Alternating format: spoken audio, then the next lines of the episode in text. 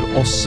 Dypt vann, velkommen til søndagspod. Og da er det gjest. Henrik, take it away. Ja, Prøve å ta en uh, introduksjon, da. Uh, dagens gjest, veldig interessant. Jeg gleder meg veldig til den podkasten her også. Uh, født 22.3.1966 i Oslo. havna tidlig på, på, kanten av loven, kan man si. Hvor dyp og, nei, dop og biltyveri det ble Jeg vil kalle det nesten hobby. Uh, og før du fylte 14 år, så hadde du vel uh, stjålet rundt 50 biler. Jeg vet ikke om du sto for alle sammen, eller om det var du og kameratgjengen som du, som du vanka med. Uh, før den kriminelle lavalderen så ble du ofte kjørt hjem til mor, men etter du nådde den kriminelle lavalderen, så gikk turen til cella i stedet. da ble det litt ut og inn av fengsel, hvor du ja, møtte andre folk da, som uh, hadde gjort uh, andre ting. Etter hvert det ene ledet til det andre, og etter hvert så endte det med at dere rana et postkontor. Uh, det, og blant annet da, fikk med dere nesten en million kroner derfra. fikk jo ja, ble jo tatt etter hvert. Fengselsstraffer. Det endte med eh, rømning fra fengsel, et nytt postkontor, en kidnapping av en politimann, for å nevne noe. da, Så det ja, skjedde litt av hvert. Begynte etter hvert med noe sterkere stoffer også, og det, var, eh, det kom i fengselet. Eh, da gikk det over også på å bli introdusert for heroin. Og da etter mange oppturer og nedturer så fikk du etter hvert plass på Tyrili, på et program som het Stifinneren. Uh, og det virka kanskje som ble kanskje et, uh, starten på et uh, slags vendepunkt. og etter hvert så gjennom det så kom du jo med på det programmet som het Store gutter gråter ikke, eller den dokumentarfilmen da, som ble laga i 1995. Og ut fra den så, så fikk du jo mye eh, Der ble du jo på en måte litt eh, mer kjent ansikt da, i, i Norge. Knyttet, du fikk jo mye nye kontakter ut fra det her, og, og fikk en helt annen eh, reach. da, Så det endte jo etter hvert med at du begynte å delta aktivt i arbeid mot rusforebygging i skolen. Eh, holdt masse foredrag og snakka for over 50 000 ungdommer. Du har vært programleder i Radio Prime i fire år, og nå gjør du masse godt arbeid for Kirkens Bymisjon. Du var jo også leder for uh, Hva heter det for noe? Uh, det programmet for uh, Jagland. hva var det det het for det? Jagland? Altså ja. uh, Det her var det, nå vil, det, Folk for Jagland heter. Folk for Jagland, ja. Det, ja jo, det, det, er min lille politiske karriere i 1997. Vi kan sikkert ja. si, si, litt om det. Ja. Men uh, uansett, du har vært med på mye, da, for, for, å si det sånn. Jeg vil, ja, jeg vil si uh, jævlig dårlig CV, men dritlangt rulleblad. Det er det det ja, men det er jævlig kult. Men det vil si da, du har snudd det på hodet, da, og du har gjort masse, masse, masse godt arbeid de, de siste åra. Og, og det her er uh, virkelig en historie fra Hva skal jeg si? At du går fra ja, hva skal jeg si, litt uh, langt nede, masse utfordringer, masse inn og ut av systemet, og, og så har du virkelig kommet deg på beina, da, og, og, og, virkelig Nå skaper du og gjør en forandring ut av det samfunnet. da. Og det er utrolig kult. Trond Henriksen er, eh, er navnet. Og hjertelig velkommen da, til podkasten i dag. ja, ja, tusen takk for en nydelig intro. Ja, nydelig. Jeg, jeg, tenkte at noen blir sittende her til i morgen, for nå jeg nå, nå tar du fram snart boka og leser. leser høyt fra denne. Ja, det var, jeg skal si det var jævlig vanskelig å bare prøve å oppsummere det òg. For det er, du har hatt et, hatt et, innholdsrikt liv, da, for å si, det, for å si det, mildt. Ja, Nei, men det var bra. Eh, takk. Eh, og takk for at dere inviterte meg hit. Det er, eh, syns jeg Gleder meg til det her. Ja, det er bra. Det er bra. Det, det, jeg syns det passer, jeg. Eh, dypt vann. Eh, for der har du Du har vært der eh, ganske mye, og er der fortsatt i arbeidet du gjør, kanskje. Ja. Hiver deg ut på nye, nye fronter hele tiden. Mm. Mm, passer veldig bra. Jeg har absolutt vært ute på dypt uh, vann og krasja i noen skjær jeg, gjennom livet. Altså, så, ja. Ja. Kan, vi, kan, vi, starte Jeg liker jo veldig godt å, å, å liksom, si, sette det opp litt sånn kronologisk. Da, at Nå har man på en måte fått et grovt uh, overblikk over uh, noen, noen, punkter av livet ditt. men kan vi spole tilbake til litt starten? Hvordan hvordan, eh, ja, hvordan havna du der du havna, for å si det sånn? Hvis du kan ta litt bare om helt Ja, vet du hva? Det, det kronologisk, ja. Da må jeg jo starte helt tilbake nesten til da jeg kom til verden. Og, ja, ja. og, og, arv og miljø har jo veldig mye å si, eh, tror jeg, for hvordan det skal gå med deg i livet, eller hva du vokser opp i. Så Mamma hun flytta fra Trøndelag. Jeg liker ikke så godt å si at jeg har på en måte trønderblod i meg, for jeg prøver å fortrenge det. For uh, Mutter'n hun fant sikkert fatter'n, og så para seg bak Vålerenga kjerke, og så kom jeg til verden. Jeg tror det er litt sånn kjapt fortalt. Ikke så romantisk. Det ikke Nei, eh, nei også jeg kom jeg til da i 66, og, og mamma flytta fra ganske enkle kår opp i Trøndelag. Fra veldig fattigslige kår. Så hun eh, og, og min far, som også kom fra på en måte, de, eh, Tøyen, Grønland i Oslo, de fikk da tildelt en kommunal bolig. Og ofte så er det jo sånn at kommunale boliger er, de gis jo ofte til mennesker med litt utfordringer. Sosiale, ofte sosiale utfordringer, om det er rusutfordringer. Så, så jeg vokste opp eh, i et sånt miljø da, hvor, eh, hvor det var mye rus, spesielt mye alkohol. da. Eh, og det var, er jo ikke noe trygt å vokse opp i for et barn. Så jeg tror nok det har hatt mye å si. Uh, måtte oppvekstvilkår. Det har det for mange, mange mye å si. Så jeg starta vel der, og så mm, gikk det for så vidt greit opp gjennom åra, helt til jeg falt ut av skolen. Eh, det var veldig avgjørende, tror jeg, i livet mitt. Fordi da hadde jeg vært sjuk lenge og kom tilbake til klassen, og da hadde de begynt med engelsk. Mm. Og så skjønte jeg ikke en dritt av hva de prata om. og Jeg husker jeg satt og stamma når jeg leste fra Og husk på, det er veldig viktig å si det, ikke sant? dere er unge i dag og har vokst opp med, med, med data og Snapchat og alt det er på engelsk. Vi hadde det ikke sånn den gangen, så engelsk var eh, det, det var litt skummelt, kanskje? Sånn, eh, ja, det var, det var veldig stort. Vi hadde jo bare en NRK. Man vokste opp i en helt annen tid. Altså. Det er kanskje sånn vanskelig å forstå at ikke man i dag kan alle engelsk. Mm. Ja, mer eller mindre, liksom. Det er, um, uansett om de har gått på skolen eller ikke, så må de på en måte kunne engelsk. Men det var ikke sånn, og, og så begynte de i klassen å le, og så følte man seg teit og dum og så flau. og Ikke minst. Og så begynte man å skulke de timene, da. mm. Var det da du bytta ut eh, skolen med trappa? Mm. Mm. Trappa på Østbanen, vet du. Der er jeg vokst opp. og Der vokste jeg opp med en haug andre barn og ungdom. Vi hadde vel et par ting til felles. Det var vel at vi ikke likte skolen eller hadde problemer hjemme. da. Mm. Så samles man der istedenfor uh, andre steder. Så der vokste jeg opp med en ganske hulter til bulter-gjeng, ja. Mm. Mm.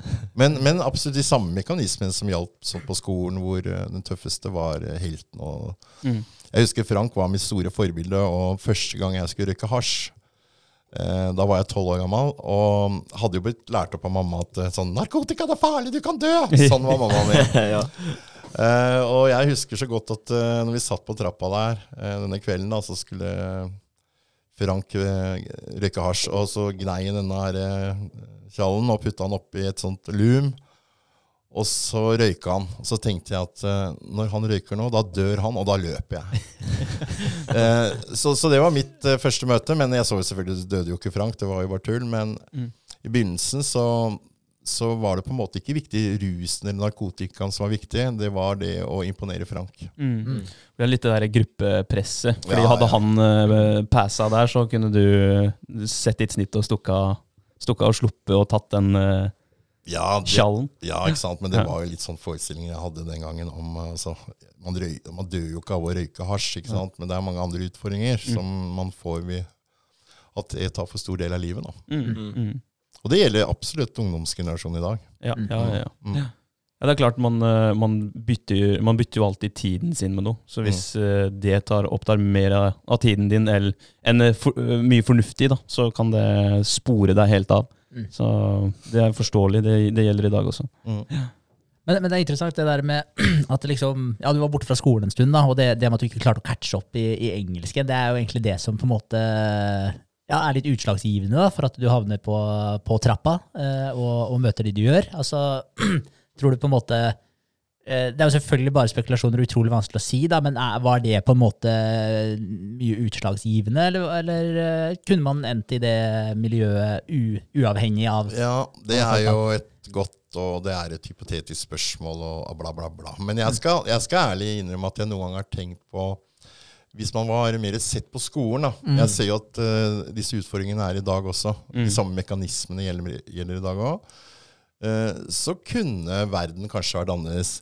Men eh, som sagt, det er jo ikke noen betingelse. Men eh, det gjorde i hvert fall at jeg ikke kunne være på skolen, ikke kunne være hjemme. Og da måtte jeg på en måte oppsøke et annet miljø, og da dro jeg jo til byen. Mm. Så man kan jo si eh, hva hadde skjedd hvis man hadde blitt fanget opp Mm. uh, uh, den gangen. Nå var det litt, sikkert litt annerledes der på 70-tallet, men eh, jeg ser jo i dag, jeg jobber jo med samme problematikken i dag, og ser ungdom i dag også som på en måte ikke blir sett i hverdagen sin, da, som sakte, men sikkert faller ut. Mm. Mm. Det, det er jo litt sånn, det får deg jo til å tenke litt da tilbake når man sjøl gikk på, på skole også. At det liksom sånn man, man tenker jo ikke så langt når man er eh, Ja, det er barneskolen du er på på det tidspunktet her, da. Og hvis du hører noen som er på en måte Ja, sliter i engelsk og sånn, det er ikke det at man skal gapskratte, da, men at noen kan begynne å flire, da, med smålatter i klasserommet og sånn, at det kan hva skal jeg si, medføre så store konsekvenser for noen, da. Det er eh, Ja, det er tankevekkende. Ja, jeg, jeg tenker at uh, altså, det, det, er, det var ikke noe sånn direkte mobbing, for jeg hadde det egentlig veldig fint med klassevennene mine. Ja, altså. Mm. Men jeg syntes det var jævlig pinlig. Jeg syntes det var dritpinlig å sitte der og stamme, ikke uttale. Mm. Uh, ja, og spesielt, Vi hadde jo også en i klassen husker jeg, som hadde liksom bodd i utlandet, og hun var jo helt rå. Og jeg bare tenkte Åh, det der er jo faen meg helt umulig. Eh, så, så det var Det var mer det der at jeg blei flau, og så hadde jeg ikke noen hjemme til på en måte å ta tak i det. og men det er jo sånne småting som ofte da kan være med å dytte andre ut, da, ikke sant? som nødvendigvis ikke er sånn direkte mobbing, for det er en veldig veldig stor årsak til at folk faller ut. Absolutt. Mm. Men eh, man, man må alltid, jeg tenker i hvert fall, veie, jo- prøve å veie ordene sine og, og uttrykkene sine så godt man kan. Det vil jeg anbefale gjennom hele livet. Og så er man jo, går det litt fortere i svinga når man er ung, da. Mm. Ja, det er nettopp det. Hvor gammel var du, var du da, når du først begynte å, å ta steget ut? Nei, altså vi, vi begynte jo med engelsk den gangen i, i fjerde klasse, og da var jo jeg ti år den Altså det er jo et trinn uh, høyere opp enn det var, er nå. Mm. Uh, så jeg var vel rundt ti-elleve år når du begynte. Mm. Ja. Mm. Ja, for jeg tenker at det, det er ikke så lett å, å som en eh, medelev da, tenke at det, ja, hvis jeg eh, flirer av sidemann nå, så kan det få konsekvenser. Det er jo Mm. opp til de rundt å, å skadebegrense og, og sørge for at det her ikke skjer. Eh, Ja. men, eh, men vanskelig. Det er en, eh, en vanskelig alder. Mm. Absolutt. Mm.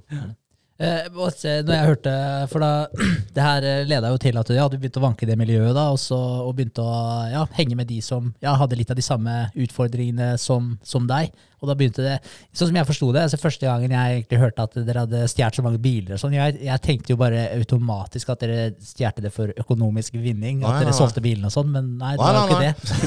Nei, nei, du vet at Nei, nei, nei. Økonomisk vinning, nei. Det var bare det at eh, A, jeg som gutt så digger jo jeg bil. Jeg tipper de fleste gutta gjør det. Eh, og så var det jo sånn at eh, den gangen eh, på 70-tallet der, da, slutten av, ja, slutten av 70-tallet, eh, så var det ikke så mye vakthold og alarmer som det er i dag. Så, så rett borte ved trappene her ved Østbanen så var det noe, en tolv- tollpost, het det. Tollpostklubb, og, og det er liksom linjegodslo. Det var der alle biler og sånn kom inn med tog og båt.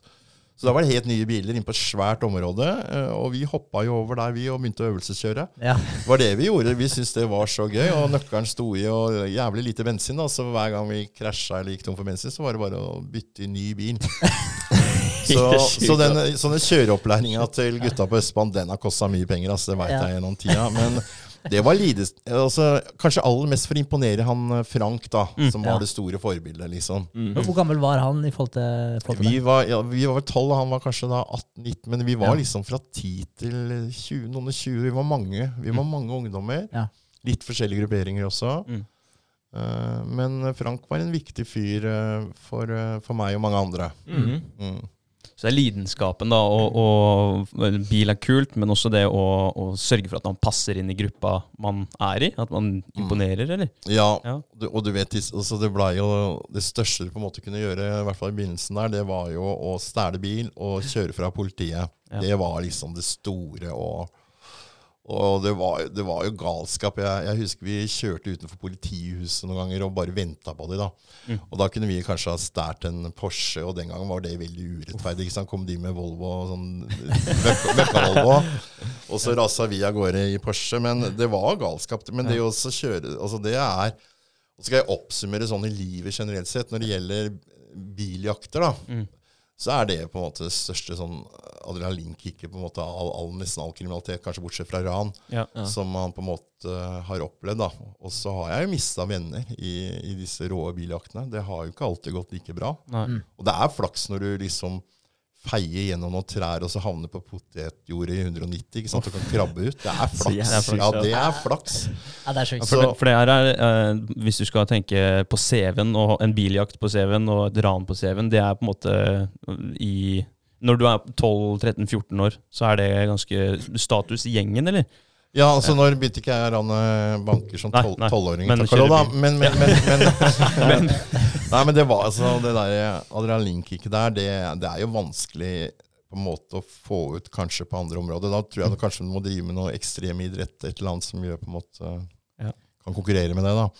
Men for oss så var det veldig stort, og jeg ser jo tilbake og tenker at fy søren, det det er flaks altså, at det har gått så bra. For Mm. det har jo vært sånne sjuke biljakter som som du nesten tror bare fins på TV. Men det har jo vært noen sånne veldig langdry, lange jakter da, som har gått over stokk og stein. Eh, så kan man jo tenke tilbake på det som en spennende greie den gangen. Og jeg tror også, det har jo politiet sagt også, at eh, av alle sånne kriminalitet på mange måter de følger etter, da, så er jo biljakter det de syns sjøl er også mest spennende. Ba, altså, de er selvfølgelig veldig opptatt av at det skal gå bra. Selvfølgelig. Men det er jo noen ganger politiet heller ikke klarer å avbryte, vet du, for det, de ligger rett bak og har jo samme kicket som oss. ikke sant? Det er jo Mm. ganske vilt, for å si det sånn. Tom og Jerry, liksom. Det er eh, action. Ja, det er action. Ja. Så, så det var eh, sånn eh, Og etter hvert så blei det det med, med blålys. Da hadde vi blålys for å ha noen fordeler. Det var jo ganske Så mange år så var det med biler altså så det var stort viktig. Mm. mye tid. Jeg, jeg husker en, en, eh, en litt, lite utdrag fra, fra boka di. Og for øvrig, bare for å si det òg, det er jo helt sinnssykt spennende altså, å lese den boka. Det er bra skrevet, og det er en historie som, som man blir skikkelig dratt inn i, bare for å få det inn der også. Men det er en, eh, en, eh, et utdrag der fra en biljakt hvor eh, disse bilene, alle, alle biler som kommer nye til Norge, kommer jo alltid på sommerhjul. Og, og du og kameratene kjører eh, ut av området og ut Mm. på Ring 3, eller? Eh, Det var det første turen på gata vi Ja. hadde, eh, som gikk jævlig dårlig. da var dere ferdig med oppkjøring, så det var ja, å Ja, da, da skulle vi ut og øve. Jeg husker det var en desember, det snødde så vidt det var. Vi hadde sommerdekk, og jeg tror det var en sånn to liter av Skåna vi kjørte rundt i. og Hadde ordna skilter da, Mm. og litt bensin, så vi kom litt lenger. Og så sladder vi ned denne ungdomsbilen oppe på Ekeberg der, og de følger etter oss og skriker. De var sikkert 18-19, og, og vi var 13-14 år, altså. Kjørte bil. Mm. Eh, og der kom disse 18-19-åringene, og de fulgte etter oss rundt på Bøler, Lambertseter. Det er ikke sikkert det sier noe, allmenn, men det var en ganske lang runde ut på Vosseveien og inn. Fordi dere hadde dunka borti Ja, de, ikke sant? og vi stoppa ikke. Ja. Og vi bare kjørte, var jo helt, og det var glatt og ut av veien inn på Det var helt sykt. Og så til slutt så var vi så redde at vi kjørte inn på politistasjonen på Grønland og meldte oss. vi var så redde for å få juling at eh, Og der ute, og det var på Grønland, det var før de på en måte hadde de portene bak oss. Det var, da var det Grønland nybygd. Så når vi kom kjørende ut der da, og velta sånne 13-14-åringer ut av bilen, så de trodde ikke sine egne øyne. Men vi slapp i hvert fall få juling av de. Det var bedre. Barnevernet kom, da, men eh, det var i hvert fall bedre enn de 18-åringa. Så, så det var min første tur på, på veien. Men da har dere faktisk eh, litt strategi og taktikk her, da, som 12-13-åringer. Og For å avverge å få juling, så tar dere For det er under den eh, kriminelle lavalder. Dere Ja, visste var at dere også. Mm, slapp mm. på en måte unna. Mm. Så det er, ikke verst oppi midt i adrenalinrushet. Nei, vi tar politistasjon. Det, Ja, det er helt rått. Det var bedre få juling, da. Ja. For, jeg, for jeg tror at de, de var så jævlig altså, Ja, de var sinna. Ja, de var sinna. De var sinna. Fy faen, for et syn det må være. da Du står der som politi, og så kommer det biljakta basically inn i bakgården din, Ja. og, og det ramler unger da ut av bilen. Mm. Det må være sjukt å se på. Men hvis vi er inne på det med biljakter og sånn, da, for dere, dere havna jo i eh, Holdt jeg på å si eh, eh, Hva skal jeg si? I politiet, politiet sine sko i en biljakt også. Ja. Ja, for det, det også var jo litt uh, artig å lese. da, som, altså Artig anførselstegn. Ja, det, er jo, det er jo litt artige historier, da, selv om uh, selvfølgelig det er bra at utfallet at det har gått bra. da. Nei, altså Men, stor eh, kjærlighet til politiet. ja. Altså, det høres kanskje sprøtt ut å si, men altså, hadde jeg kunnet få valgt en jobb den gangen, så skulle jeg fint ha blitt politimann. For, det. for det var jo råfett å kjøre rundt, eh, og, og, og noen ganger så hadde vi veldig lyst til å være politi, vi òg. Mm. Eh, og så var det jo sånn oppe i Åkbergveien ved fengselet der, så var det sånn gammelt renseri hvor, eh, hvor politifolka rensa uniformene sine. Og det så jo vi, altså det sto i vinduet der. Mm. Så vi knakk jo oss inn der da, og tok på oss disse uniformene. Og ordna blålys fra husker jeg, fra brannvesenbutikken nede i byen, og så stjal vi en bil. Og så hadde vi kontroller, da. Uh, ja, vi hadde alkoholkontroll. Jeg, jeg, jeg, altså En av de der flaueste opp aller mest flaueste jeg har vært med på kanskje hele mitt liv. fall en av de tingene, Og det her ble jeg dømt for òg, og det er det som er så jævlig flaut. Det er at under en av disse kontrollene oppe ved Espa, da, så kommer det, kommer det en sånn bil kjørende vet du, 20 km midt på vinteren der og, og sjangler, og, og, og, så stopper vi han fyren. Uh, og jeg går ut, og, og, han åpner vinduet, og jeg skjønner at han er jo drita full. Han er altså så drita full at han klarer nesten ikke å kjøre bilen. Mm. Og så når han da liksom sveiver ned det der vinduet, og så jeg sier vognkort og førerkort, da, så skal han gi meg Får jeg en rota fram der, så går jeg på ræva, vet du. Og med beina sånn opp foran vinduet hans. Som du akkurat sånn tulle, Nesten som Charlie Chaplin, bare så jævlig glatt. Og så ser han de gule joggeskoa jeg har på meg, og så er det et eller annet inni det der huet til han fyren her, da. Eh, som kom sikkert fra oppe i Hamar-regionen og hadde drukket mye hjemmebrent. Ja at uh, politiuniform og gule joggesko det hører ikke sammen. Nei. Altså Det bare litt, tror jeg må ha skjedd en sånn pling oppi huet på han. For det, da bare satt han den der bilen i, i, i gir da, og forsvant av gårde. da. Og der lå jeg med, ikke sant, med på bakken, da, og, og, og, så blir vi tatt litt seinere for det her. Og det husker jeg, da ble vi tegna, eller jeg ble tegna i en sånn tegning i Dagbladet. Da jeg var på rettssak med, med, en sånn tegning og med gule joggesko. Ja. For Til og med dommeren syntes det var veldig artig, men jeg husker det der ble jeg mobba for i fengsel i mange år etterpå. så den skyldige lille greia, men jeg ble veldig fascinert over at han bare liksom tenkte at oi. Ja det, det, der hører ikke sammen. Ja, var litt, han var litt våken allikevel? da? Ja, tross oppi i den. For han var, bort, han var, på tur, altså. Ja. Ja. Mm. Men, da, men, da, jakta dere han, rett og slett? dere da, eller? Slang dere i bil? Og... Nei, for det tørte vi. altså. Det, vi tørte jo ikke å gjøre det. vet du. For Nei, okay, hva, faen skal vi gjøre? Pågripe? Hvor skal vi kjøre den? Liksom? Vi kan, kan, ikke kjøre den på noen politistasjon. Nei, Nei da, det har vært noen sånne, sånne politi eh, greier eh, gjennom livet, altså. Så jeg har hatt eh, en sånn liten forkjærlighet for politiet, selv om selvfølgelig vi var ikke veldig gode venner med det, egentlig. Nei. Nei. Mm. Men uh, det er vel sikkert noen connections som har vært bedre enn andre, og, og sånn er det jo i, i, livet generelt. Det er noen man har bedre kjemi med, og det er noen mennesker som kjenner mennesker bedre enn andre. Mm. Så du har, eh, har, du har, noen favoritter, og noen som ikke er like store favoritter. Det er helt riktig, og det gjelder også innenfor politiet. Det er, det er veldig mange bra politifolk altså, som mm. på en måte ser ting som kanskje ingen andre gjør mm. i sosiale apparat heller. Kommer hjem og ser uh, vold og fyll og, og, det verre som verre er. ikke sant? Det er ofte mm. politiet som gjør det, som kommer først. Ikke mm. sant? Mm. Og det, det, mm, sitter jo i dagens samfunn òg, sånn typisk psykisk helse, som er Det er veldig mye av det i Altså mye faenskap der om dagen, med, mm. med, det presset som er fra alle kanter, sosiale medier osv. Og, så og det er den derre førstelinjeapparatet. Altså den første personen du møter i en eller annen case hvor du sliter. Om det er med rus, eller om det er med dine egne tanker. Og, og, eller en miks, da, for det er jo gjerne dine egne tanker som blir tatt av rusen også. Så ser man jo at det, eh, det første stedet du kommer, er helt avgjørende. Hvis det blir tatt ordentlig tak i der, så kanskje reisen blir en helt annen enn hvis du blir forvist da, at nei, vet du hva, det her går bra, du kan prøve litt til hjemme. Så førstelinje, og det er jo i dere, ditt tilfelle noen ganger vært politiet, eller ofte. Ofte politiet. Ja. Mm, absolutt, i høyeste grad. og jeg er jo på hei og hå med en par av de Jeg blitt gamle, de òg nå. da. Ja, ja. Men eh, nei, nei, respekt for veldig mange av de, altså. Mm. Mm, absolutt. Hvordan, eh, hvordan, går det da fra holdt jeg på å si, eh, fra biltyverier og eh, biljakter og videre til første postranet? Altså det var vel Ranet det postkontoret, det var vel på en måte Det, det var jo å tråkke over en ja. grense for din del, virka det som. Altså det, det, var på en måte veldig mange steg opp fra, fra den tidligere kriminaliteten som du hadde utøvd. Ja, absolutt. Det er, det er en veldig Altså, jeg syns eh, sånn ran er noe av det mest ekstreme du kan gjøre av kriminalitet. Altså Ved siden av selvfølgelig å ta livet av mennesker og sånn. Mm.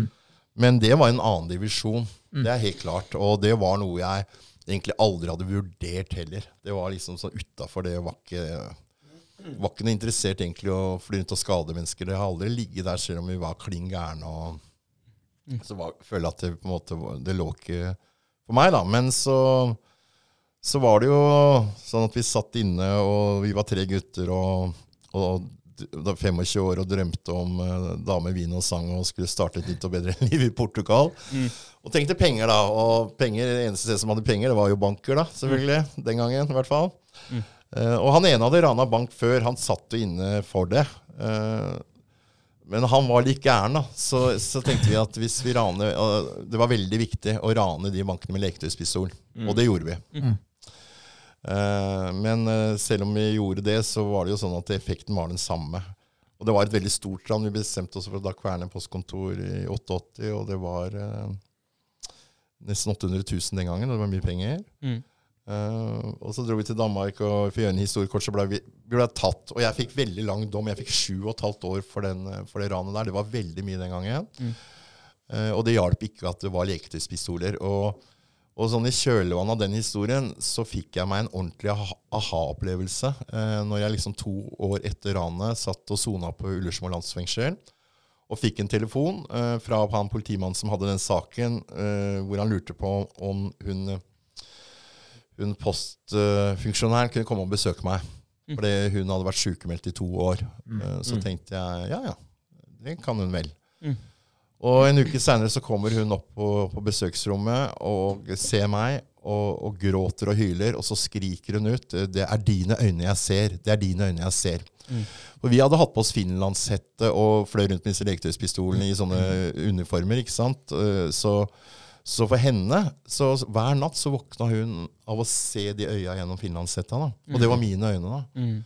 Uh, og da tror jeg var det ordentlig for første gang i livet jeg virkelig skjønte at mine handlinger virkelig kunne gjøre så stor skade. Mm. Hun ga meg virkelig en sånn ordentlig Jeg har verken sett henne før si før eller seinere. Men det var veldig viktig for meg å se hvilke konsekvenser Jeg rana riktignok etter det òg, men det var liksom noe som satte i gang noe i meg. da, At mm. uh, yes, kan hun liksom, Gikk det an å bli sjukmeldt av det? liksom? Mm. Jeg hadde liksom ikke det filteret den gangen. Planta et uh, frø, et dypere frø enn det en fengselsdom eller en, uh, en varetekt uh, noen gang har gjort? Ja, absolutt. Jeg mener jo mange ganger at de også, hvis ofrene vil, da, så er det veldig ålreit å kunne få møtt sine ofre. Mm. men det må selvfølgelig være ut ifra hva offeret ønsker, da, mm. tenker jeg. Men, men, jeg tror i hvert fall den som har utført forbrytelsen, har godt av å møte uh, ofrene sine en gang iblant. Mm. Mm. Men, men, i forhold til, eh, for du sa at du brukte plast, eh, eller leketøyspistoler, da, og at det var veldig viktig. Altså det er veldig viktig. Tenkte du da opp mot straff uh, senere, eller tenkte du opp mot uh, på en måte offerne, så ikke det skulle eskalere? Ja, ja, nei, det var for at ikke vi skulle skyte noen. Ja, ja, ja nei, vi hadde, du vet at han vi hadde med, han var egentlig kjent for å bare gå rett inn i banken og skyte i taket. Så vi var egentlig ikke noe hypp og Han var liksom så gæren, da, og, og, og jeg hadde aldri gjort det han før, ikke han andre heller, så vi det var bare helt klart. Så det, det var for ikke å skade noen. Ja. Det hadde ikke noe med straff å gjøre. Det hadde rett og slett at man For det hadde, altså det å på en måte gå inn der og, og Jeg har i hvert fall takk og lov til gode at jeg ennå ikke har drept et menneske, og det er jeg så glad for. Ja. Eh, selv om det sikkert er flaks, det også, på en måte alt man har vært i. Da. Men uh, ja. Ja, for jeg, jeg har lest altså du, du, du blir kalt Norges farligste mann. ikke sant? Ja, og da tenkte jeg at oi shit, da har han sikkert drept noen, ikke sant? men du har jo ikke det. Er det derfor dere sitter med gunnere på bordet? Selvforsvar. Uh, nei, vet du hva. Det, det er jo Vet du hva, det Norges farligste jeg jeg, jeg, pleier bare å si at mamma sier at jeg er verdens snilleste. Så trøster jeg meg med det. Men, men det er jo litt sånn media i et nøtteskall. Og så, så, skal det sies at dette kom jo av etter at man hadde kidnappa en politimann og en båtvakt. og det er klart at det kidnapper en politimann, så må du regne med å få noen overskrifter. Ja. Det er ikke tvil om det. Men, men ut ifra settingen og det der og da, så har jeg liksom aldri ansett meg som Norges farligste mann. Fordi at uh, jeg har sittet med de som er virkelig farlige. Uh, og det er uh, litt annen divisjon.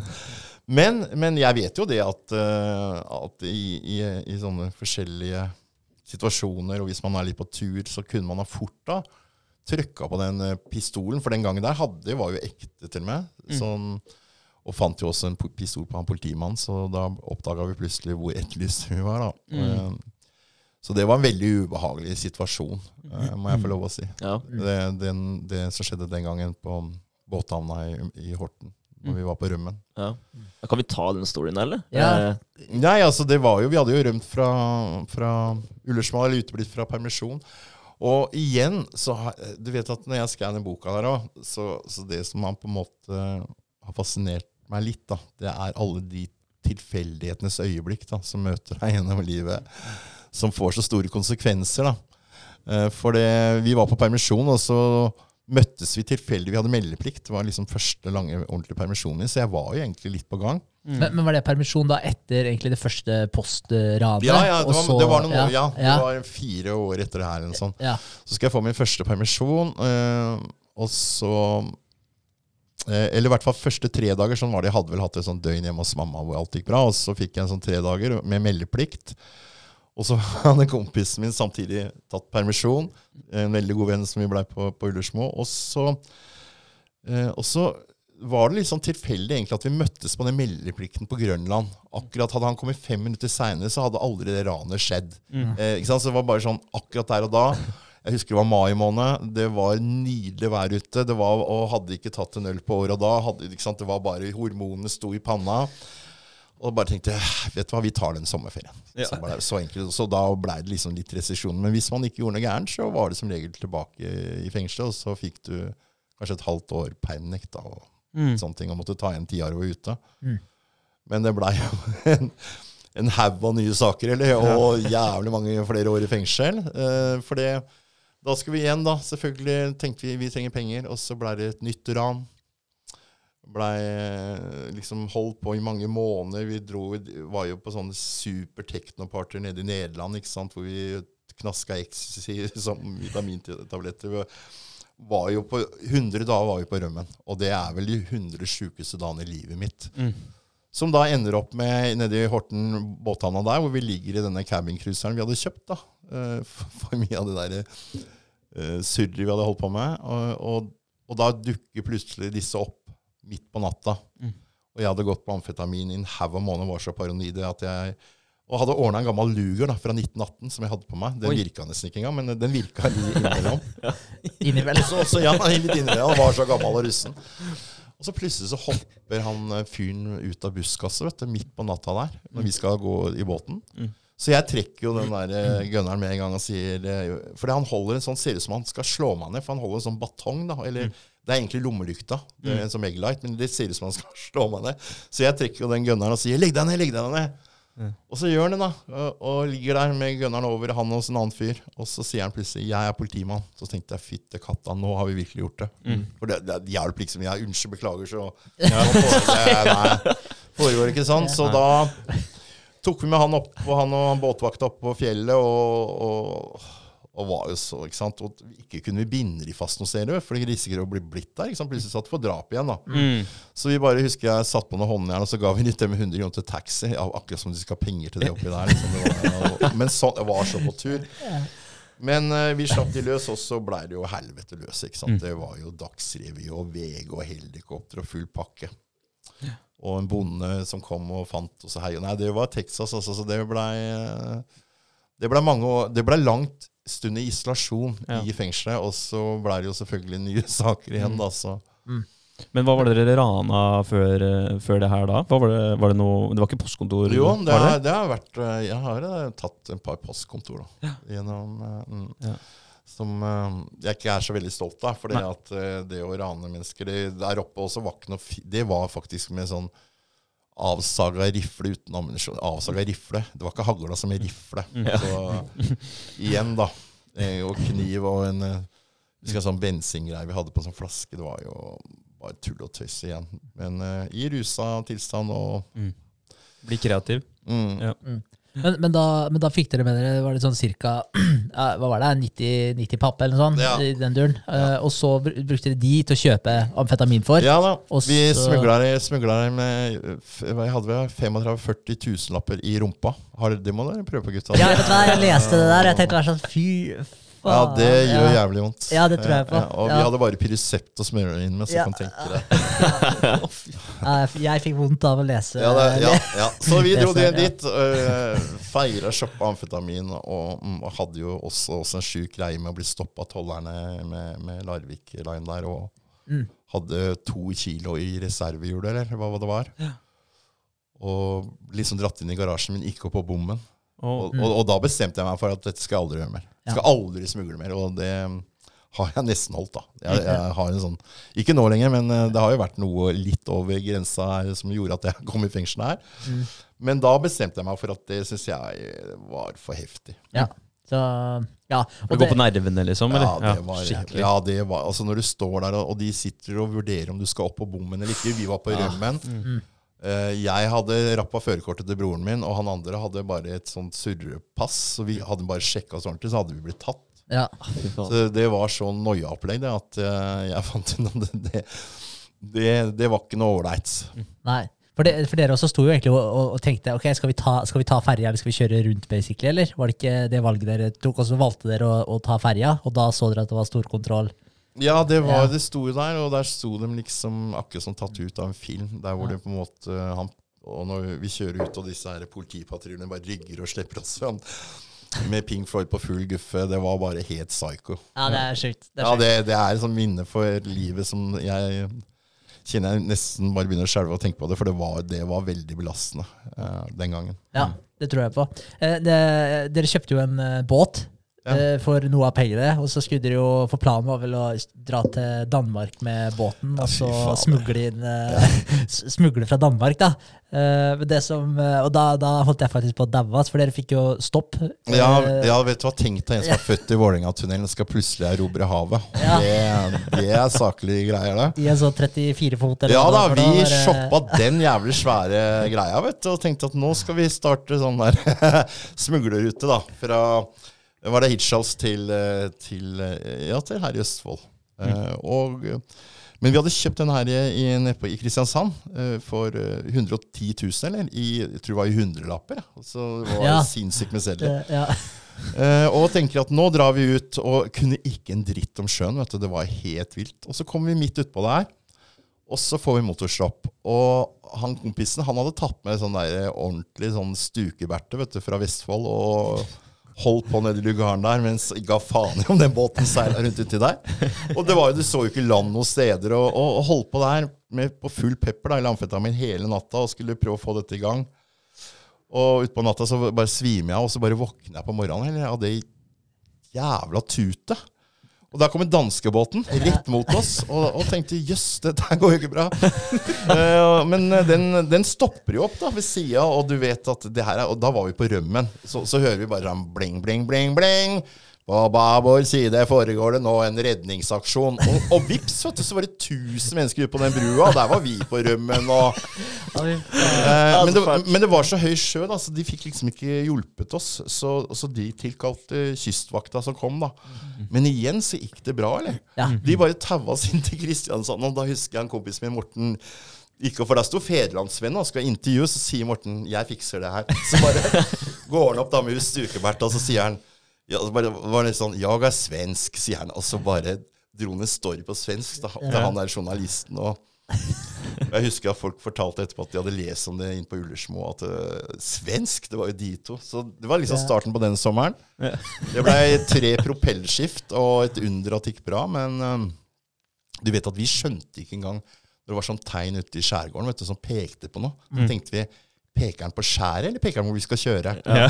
Sånn, der var vi. Ja. Så det var, eh, det var propellbyttet sitt. Da. Ja, fy faen, Jeg flirte da jeg leste det også, for det, det, var to ting egentlig som jeg hadde på daua der. Det ene var uh, når, uh, når, den der motoren har stoppa, det der er midt utpå der. Og jeg hadde jo fått helt packeren, mm. og han der kompisen din da bare sånn Nei, faen, hvis vi skal daue her, så skal jeg faen meg pule først. Ja, ja. og dra med seg og le, liksom. Det var det ene samtidig på å bare feie over der jeg vært ikke sant? Og, og, og jeg skjønner det litt, men jeg var egentlig veldig interessert i å ikke dø utpå der, altså, helt ærlig. Finne en løsning. ja, du vet det der hadde vi holdt på med amfetamin lenge allerede, og plutselig midt utpå der vi, vi, trodde vi så isfjell, eller? Mm. Så stuka i huet var vi, da. Og isfjell liksom ute i Skagerrak. Ja. Det kan sikkert Det vet jeg ikke, men det var veldig spesielt. Så. Men den andre tingen var det du snakka om der, med at piler som peker på ting. da. Og det, det, Jeg måtte bare flire litt av tankesettet. da, fordi vanligvis så når du er ute og kjører med båten, da, så peker den liksom der du skal kjøre. da, Men dere ja. tenkte sånn Nei, den må peke på det som på en måte er feil. da. Ja, ja. så vi tar det. ja, for det var jo sånn. På sida der var det sånn flatt, så tenkte vi der er det sikkert greit. Det var masse ting som gikk rundt i huet på oss da, ja. Mm. Måtte, Men måtte vi gikk på biblioteket til slutt. Etter vi, vi, vi ble redda av danskebåten, så gikk vi og lånte noe, i hvert fall prøvde å lese litt. ja, ja, det er jævlig bra. Nei, det var sjukt. Og og det var sånn dere egentlig da havna til slutt, da, i uh, ja, på den der brygga i, i Danmark. Eh, ja, nei, nei, ja, nei, du vet at den første sånn smuglerturen vår Den var egentlig fra Gøteborg, og så skulle vi over. Det hadde blåst jævlig, og der hadde roret gått, og vi satt fast der. Og så skulle vi over, da.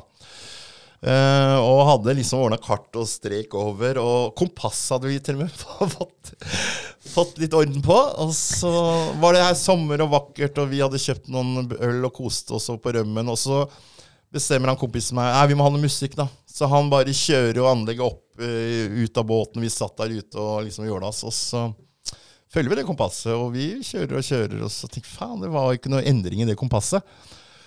Og det skjønner jo vi når vi flytter den der eh, høyttaleren. For da hadde jo det magneten bare festa det eh, kompasset der. ikke sant? Bare stå i en helt annen retning. Og da var vi midt ute der mellom ingenting. Og da begynte noiaen inn. ikke sant? For tenkte vi hæ, tenk om vi havner i Skottland, eller eh, Og så bare tenkte vi nei, det får bare gå, da. Og plutselig så havna vi på Lesje havna vi i den lille øya. Eh, takk og lov, den tilhørte Danmark, da. Mm. Ja.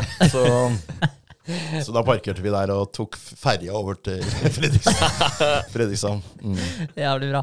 Ja, nei, eh, ok, men, men, da var det liksom ok, så da dere, Med denne båten, men den der episoden med, med politimannen og det, det, det kom i etterkant uh, av de tinga her? For dere hadde fortsatt den båten når, uh, når den episoden skjedde? Ja. dere ikke inn i båten da? Det var det som skjedde i Horten. vet du, at vi skulle ja. ned, Det var da han politimannen For det hadde han fått høre da. ikke sant? Vi hadde jo den båten i flere måneder. Ja, så, det var jo litt leiligheten vår i Norge når vi var i Norge. Ja, For da hadde dere kommet tilbake fra Danmark med den båten, eller? Uh, nei, det vet du hva, den båten Jo, vi kom tilbake fra, fra, fra Kjøben med den båten, for den lå jo i Horten. Ja.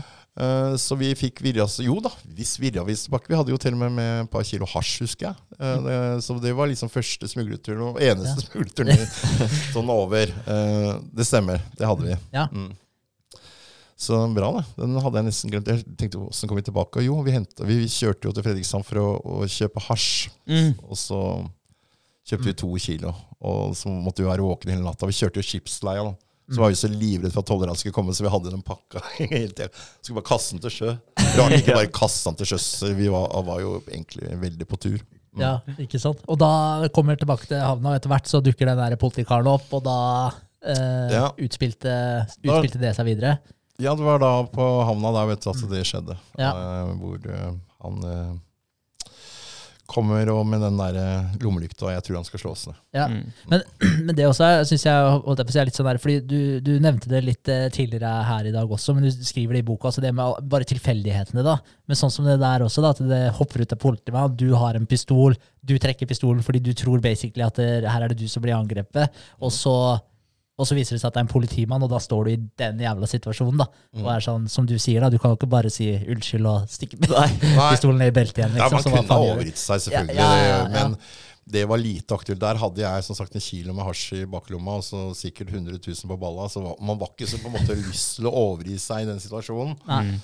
Uh, så når han først lå der, så var det liksom følte at da var det gjort. Men da også skjønte vi at nå nå har vi virkelig dratt den langt. Altså, for det, der visste vi at det kommer til å bli ekstremt mye bråk. Da. Mm. mm. For da var det helikopter og full ståhei. Hvor lenge holdt dere ut uh, da? Ja, vi, vi, gjemte oss oppi den hytta. da, ikke sant? Det er jo så typisk Så Vi gjemte oss oppe i Rolag. Da fant vi en hytte langt oppe i Huteheitavika oppe i fjellet. Mm. Uh, brøyt oss inn der, og der var det jo eh, rottemøkk og var ikke liksom brukt på en evighet. da. Mm. Og ligger der og hører jo helikoptera over hjemme i bilen. da. Vi hadde jo rappa den der, Det var jo politibil vi hadde. ikke sant? Og så Vi måtte jo bare gjemme den som sivilbil under trær og sånn. og så... Men tror du pokker ikke at dagen etterpå så kommer han bonden som eier den hytta, og skal gjøre seg den hytta til et jaktlag, eller? Ja. uh, og der kommer han inn, vet du. Den han, ene dagen. Den ja. ene jævla dagen på seks måneder, da, så kommer han opp, og så kommer han inn. Han eh, for øvrig fantastisk, han bonden, altså, han i ettertid òg. Men der kommer han inn, eh, visste ingenting, og blir møtt av to stykker med Da har jo jeg lugeren og han andre den 38 til han politimannen òg, så da er det to stykker som er bevæpna, Og vi hiver han ned da på gulvet og binder han og tar en røyk sammen og syns så dritsynd på han, ikke sant? Og så lurer litt på hva han skal Nei, jeg skal bare gjøre sånn hytta, jeg, sier han, ikke sant? Og så tenker vi at da tar vi bilen hans. Og så fortalte han det at han skulle få hjelp av dattera si om noen timer. da. For vi tenkte at vi kan ikke bare la han ligge her. Han kan ligge her i flere år. Bli råtner opp. Men han fortalte det, så han kunne ligge der noen timer. da, og Jeg husker jeg ga han et par runder også, et par runder i sånn tort og svie. For det hadde vi masse tenkt jævlig flaut. Så jeg tenkte på mange ganger etterpå hvorfor. Men det var nettopp fordi jeg syntes så synd på han. Og så drar vi av gårde. Men det han ikke sa, det var at dattera egentlig kom om 20 minutter. Oh, ja. Mm. Så når vi da hadde kjørt av gårde, så slår vi han selvfølgelig alarm. Helt naturlig. Men det som var så kult med han bonden her, da, det var egentlig rettssaken eh, halvannet-to år etterpå. da. Så kommer han inn i rettssaken, og så kommer han med sånn eh, krykke med bandasje rundt huet. Det så ut som ikke sant, sånn tenkte jeg, Fy fader, nå får jeg mange år, tenkte jeg. Det var jeg helt ærlig, jeg tenkte nå. Og så spør dommeren da, ja, er dette her forårsaket av uh, de siktede her. Mm. Så sier han nei, datt ned fra trappa her i forrige uke. Jeg bare gikk rett på søra. ikke sant? Så, det, så han Nei, det, de der var hyggelig, sa han. ikke sant? Så, så han, var, så han sendte julekort til meg han, i, i, flere år etterpå i fengselet. Så ja. Spenstig. Ja, det var spenstig. Så jeg husker han rolagsbonden Stormoen. Han det etter å ha møtt det sånn, og allikevel på en måte være grei og tilgivende, det er ganske stort, altså. Ja. Så, mm. For du, du, har jo en, en, en karisma og en, en, positivitet i dag da, som jeg syns er veldig beundringsverdig. og veldig, det, det, merkes at du er en ålreit fyr. Eh, hadde du da, I og med at han likte deg godt da, og sendte deg kort, hadde du da den samme på en måte eh, utstrålingen når du var gjennom den perioden her? Jeg tror egentlig alltid at jeg har vært en ålreit fyr. Ja. Altså det, de fleste av oss i gjengen har, er det. Mm. Altså det, er ofte, det, er jo ofte stoffet som gjør deg til tulling. ikke sant? Mm. Jakten på det. og, og Så har jeg selvfølgelig gjort ma mange dumme ting. Eh, jeg pleier å si at jeg er ikke så stolt av min historie, men jeg er stolt av at det er historie. Mm. Uh, og, og, det er ganske vesentlig. Mm. Så jeg har gjort uh, mange dumme ting, og kanskje aller mest for min familie, og ikke minst moren min, som jeg kanskje har størst sånn skam overfor. Mm. Så må det på en måte hva de har betalt for mine handlinger. da. Mm. mm. For det har vært mye. Mm. Som man kanskje ikke tenker på når man er ung og litt dum og skal ut og teste livet. At uh, det er ofte mange rundt som også må være med og betale for det. da. Mm. For dine valg. Ja. Ikke sant? Er, eh, så Norges uh, farligste mann, det var kanskje mer litt sånn tilfeldigheter egentlig som, som gjorde at den tittelen havna på, på akkurat deg? Ja, det var det. Og så full rulle, og så var det opprør på bunkersen. og det, vet du, Jeg har jo vært med på mye rare ting da, uten å nødvendigvis um, følt at det har vært riktig å bli stigmatisert som det. Mm. Men samtidig så vet jeg jo det at mediene har en tendens til å kline til. ikke sant? Sånn ja. er det det bare funker. da. Mm. Um, selv om det ikke var så mye klikk den gangen, så er det jo forsider å lese. og... Ja, Salg av aviser og ikke så, sant? Nei, klart det. Men, men, du har jo en, en rekord som jeg ikke vet om uh, har blitt slått Eh, den gang i dag? Sånn antall Er det saker eller arrestasjoner? Nei, jeg var Norges mest arresterte mann ja. i 1986. Ja. Og jeg vet ikke om det er så mange kan, Nå håper jeg Jeg kan ikke si at noen håper har slått dem. At, uh, men jeg blei en periode Gikk ut og inn da så utrolig mye og blei veldig mye arrestert. Og så var jeg kanskje innom Blei Ble løslatt igjen, arrestert, løslatt. Og så litt ut i fengselet og en uke, to der, og så ut, og så nye saker. og ja, I 86 så var jeg faktisk den som var arrestert mest i Norge. Mm. Mm. Det er ikke noe som er, det er ikke så jævlig fett å ha på scenen. Bare fortelle, men, men, det forteller jo også litt åssen jeg var som menneske. Altså, fordi eh, jeg hadde vel det som i dag heter ADHD. Mm. Den gangen het det MBD. Og jeg husker at jeg skulle utredes tre ganger for det. Men jeg stakk av hver gang. Da, for jeg tenkte, du vet MBD, uh, minimal brain dysfunction. ikke sant? Mm. Det er ikke så jævlig fett å bli stempla med det. Mm. Så, og jeg var ung og tenkte at nei, fy fader, de skal ikke kødde med huet mitt. Så jeg stakk av hver gang jeg skulle utredes. da. Men jeg er veldig sikker på at jeg har båret på en del av det livet mitt. Det mm. er jeg mm, mm. overbevist om. Ja. Men Hva syns du om uh, livet i fengselet? Altså, Hvordan var det? Ja, det er uh, livet i fengselet. Det er en egen liten verden, det. Uh, det spørs jo, sitter du over mange år, da, så blir du veldig avhengig av de menneskene rundt deg. Ja. Ikke sant? For det, mange av oss er jo rusmisbrukere når vi kommer inn i fengsel. Og vi slutter jo e, egentlig ikke i fengsel heller, så man blir opptatt av det med rus. Og kanskje mer enn noen gang når du sitter i fengsel, for da har du i hvert fall lyst til å ruse deg bort. Ja. Uh, så, så, så, fengsel uh, Fengsel er egentlig jævlig kjedelig. Altså Når man ser sånne amerikanske filmer, og sånn, så tenker jeg at uh, så, sånn er egentlig ikke virkeligheten. Nei. Virkeligheten er ofte mange ganger 23 timer på cella. da, Å sitte der og gro og stirre i veggen. og Før i tida så hadde man jo ikke TV og de tinga som man kan ha litt i dag. Så det blir mye lesing og mye tankekjør, mm. rett og slett. Mye, mye Det er jo sånn at ni av ti som sitter i norske fengsler i dag, de sliter jo med psykisk helse. Du nevnte jo litt i stad også. Og det er eh, De fleste som sitter inne, sliter med det. Ja. Mm. Uh, og veldig mange sliter om samsykdommer. At de har flere forskjellige diagnoser. Og, så, så, så, det er utfordrende å sitte i fengsel. Og jeg tenker isolasjon er noe av det verste du egentlig kan gjøre med et menneske. da. Mm. Og, og putte mennesker i isolasjon. Og jeg har jo hatt min reise bak murene som har vært veldig tunge. Mye isolasjon som gjør at du uh, tenker ting som egentlig du ikke har lyst til å tenke. da, Som blir veldig destruktive. veldig sånn Mye aggresjon mm. når du blir isolert. Og det ser jeg med de ungdommene jeg jobber i dag også. altså sånn uh, Mobbing er en form for isolasjon. ikke sant? Ja. Dytte mm. mennesker ut av fellesskap og i et utenforskap. da, og og jeg følte at det å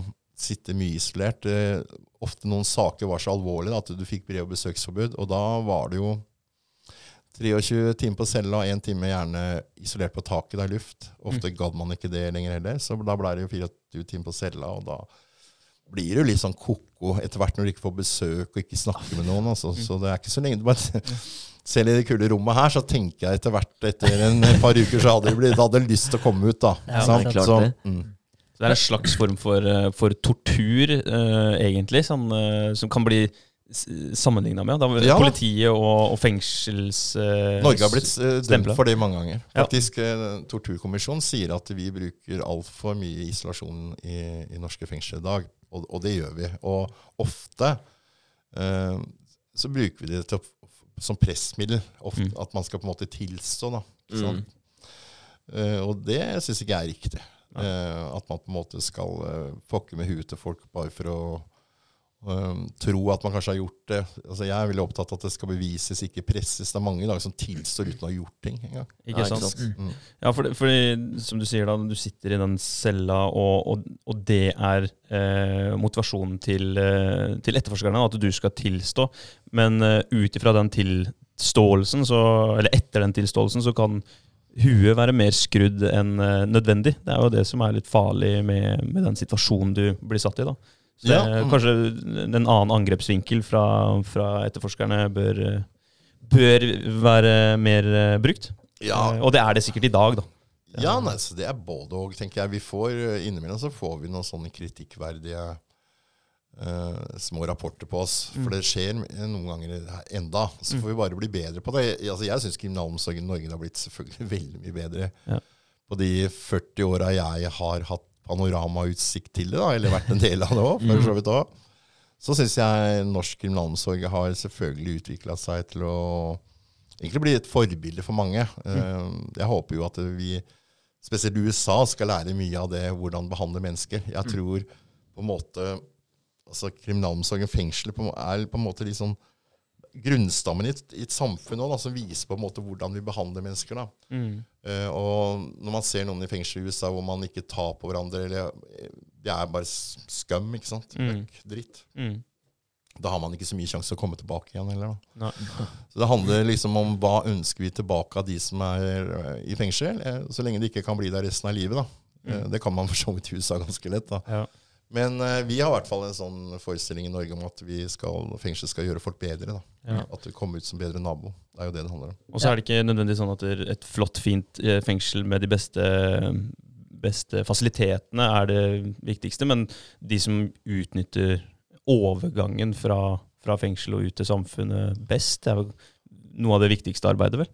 Ja, så jeg tenker at uh, hvis man sliter med mye aggresjon, da, Mm. Så er jo sinnemestring veldig dumt å legge ned et fengsel. For det har vært litt sånn de siste årene nå, hvor man skal spare. da. Mm. Så er det sånne programvirksomheter som legges ned i norske fengsler, som jeg syns er veldig trist, og også litt farlig. For det, det har vært sånne gode programmer som har gjort uh, noen av de som kanskje sliter mest med psyken og sinnet sitt, da, til å finne litt andre verktøy å bruke når de kommer ut. Mm. Som jeg tenker er lurt for oss som samfunn at uh, skal ivaretas. da. Mm. Mm. Denne. Hvor var vi i kro kronologen eh, eh, nå sist? Ja, det var vel eh, politimann tilbake, eller eh, holdt jeg på å si den eh, bonden oppå hytta der, blir eh, tatt igjen, havner på Ullersmo. Ja. ja. Og så er det Så går jo åra litt, og så bestemmer jeg meg vel Det, det skjedde jo noe etter det her òg, og da bestemte jeg meg for at kanskje for første gang i livet at jeg var rusmisbruker og at jeg trengte hjelp. Mm -hmm. Det var ikke noe selvfølge å innrømme overfor seg sjøl. For det er jo ofte sånn at man sier 'nei, jeg kan slutte når jeg vil'. Mm. Jeg har vel har hatt noen sånne. Eh, og da uh, fikk jeg tilbud om å være med på Stifinnerprosjektet og være med i Tyrili i, i, i, behandling. Og det var første gang jeg gikk i behandling i mitt liv. Det var i 1993. Det var da også den filmen 'Store gutter gråter ikke' selvfølgelig skulle lages akkurat på vårt kull. da. Mm. Eh, og så blei det en eh, reise. Den filmen blei jo egentlig en veldig stor dokumentar i Norge. Fikk bra kritikk. og... Men det gjorde at man blei jo selvfølgelig eh, mer kjent igjen, da. Så Og jeg husker så godt Jeg hadde sittet fem år eller seks år uten noen som helst permisjon, og sånn, så plutselig var jeg der, og så hadde den filmen kommet ut. og Plutselig skal alle hive seg rundt halsen på deg og ønske deg lykke til. Og det var, det var jo hyggelig. Altså Gamle mennesker sier 'ja, Trond, det går bra med deg'. Så jeg husker jeg kjøpte meg sånn helhjelm og kjørte scooter fra Ekeberg ned på jobben. Det skal jeg bare få hjemme. Jeg blei veldig sånn sjenert. Mm. For plutselig så følte jeg at alle visste om livet mitt, men jeg visste ikke noe om dems. Mm. Så ble nesten bare paranoid av det òg. Ja, ja. Så var jeg i behandling, og det gikk jo litt sånn litt av og på etter den filmen, men det gikk for så vidt bra. Og så begynte jeg å jobbe litt med, med en, eh, egentlig en kompis i fengselet, som jeg skriver om her, som heter Kim, og reiser litt rundt på skoler. Snakker med ungdom om det å ta feil valg. Og så ble jeg plutselig i 1997 revet rett opp av en nesten jeg hadde holdt, Det holdt meg egentlig ganske bra eh, et par år da. Men da ble jeg plutselig dratt inn i politikken da, som mm. leder for Folk for Jagland. Ja. Mm. Eh, og det det som er interessant med det her eh, eh, Foruten egentlig å ha noe særlig Jeg er sånn passe politisk engasjert, jeg, det må jeg få lov å si. Men uh, jeg hadde ikke veldig mye erfaring med det her. Og så har jeg vel mange ganger ettertid lurt på hvorfor i all verden blant meg. Mm. Kanskje pga. at jeg har en fortid som er så jævlig belastende at det er liksom umulig for media å grave i det, for det er jo bare dritt. Yeah. jeg veit ikke, for det var jo ikke sant, Når du skal bli leder for et eller annet, så er det sånn at eh, de alltid prøver å finne noe dritt på deg. ikke sant, mm. Og så nå tar vi nå tar vi en eller hun. Mm. Men jeg hadde så mye, så de tenkte at han går ikke an å ta. Og så var jeg jo, sto jeg jo fram som en um, fyr som heia på det forebyggende arbeidet. Det har jeg gjort det alltid, spesielt mm. for barn og ungdom. Mm.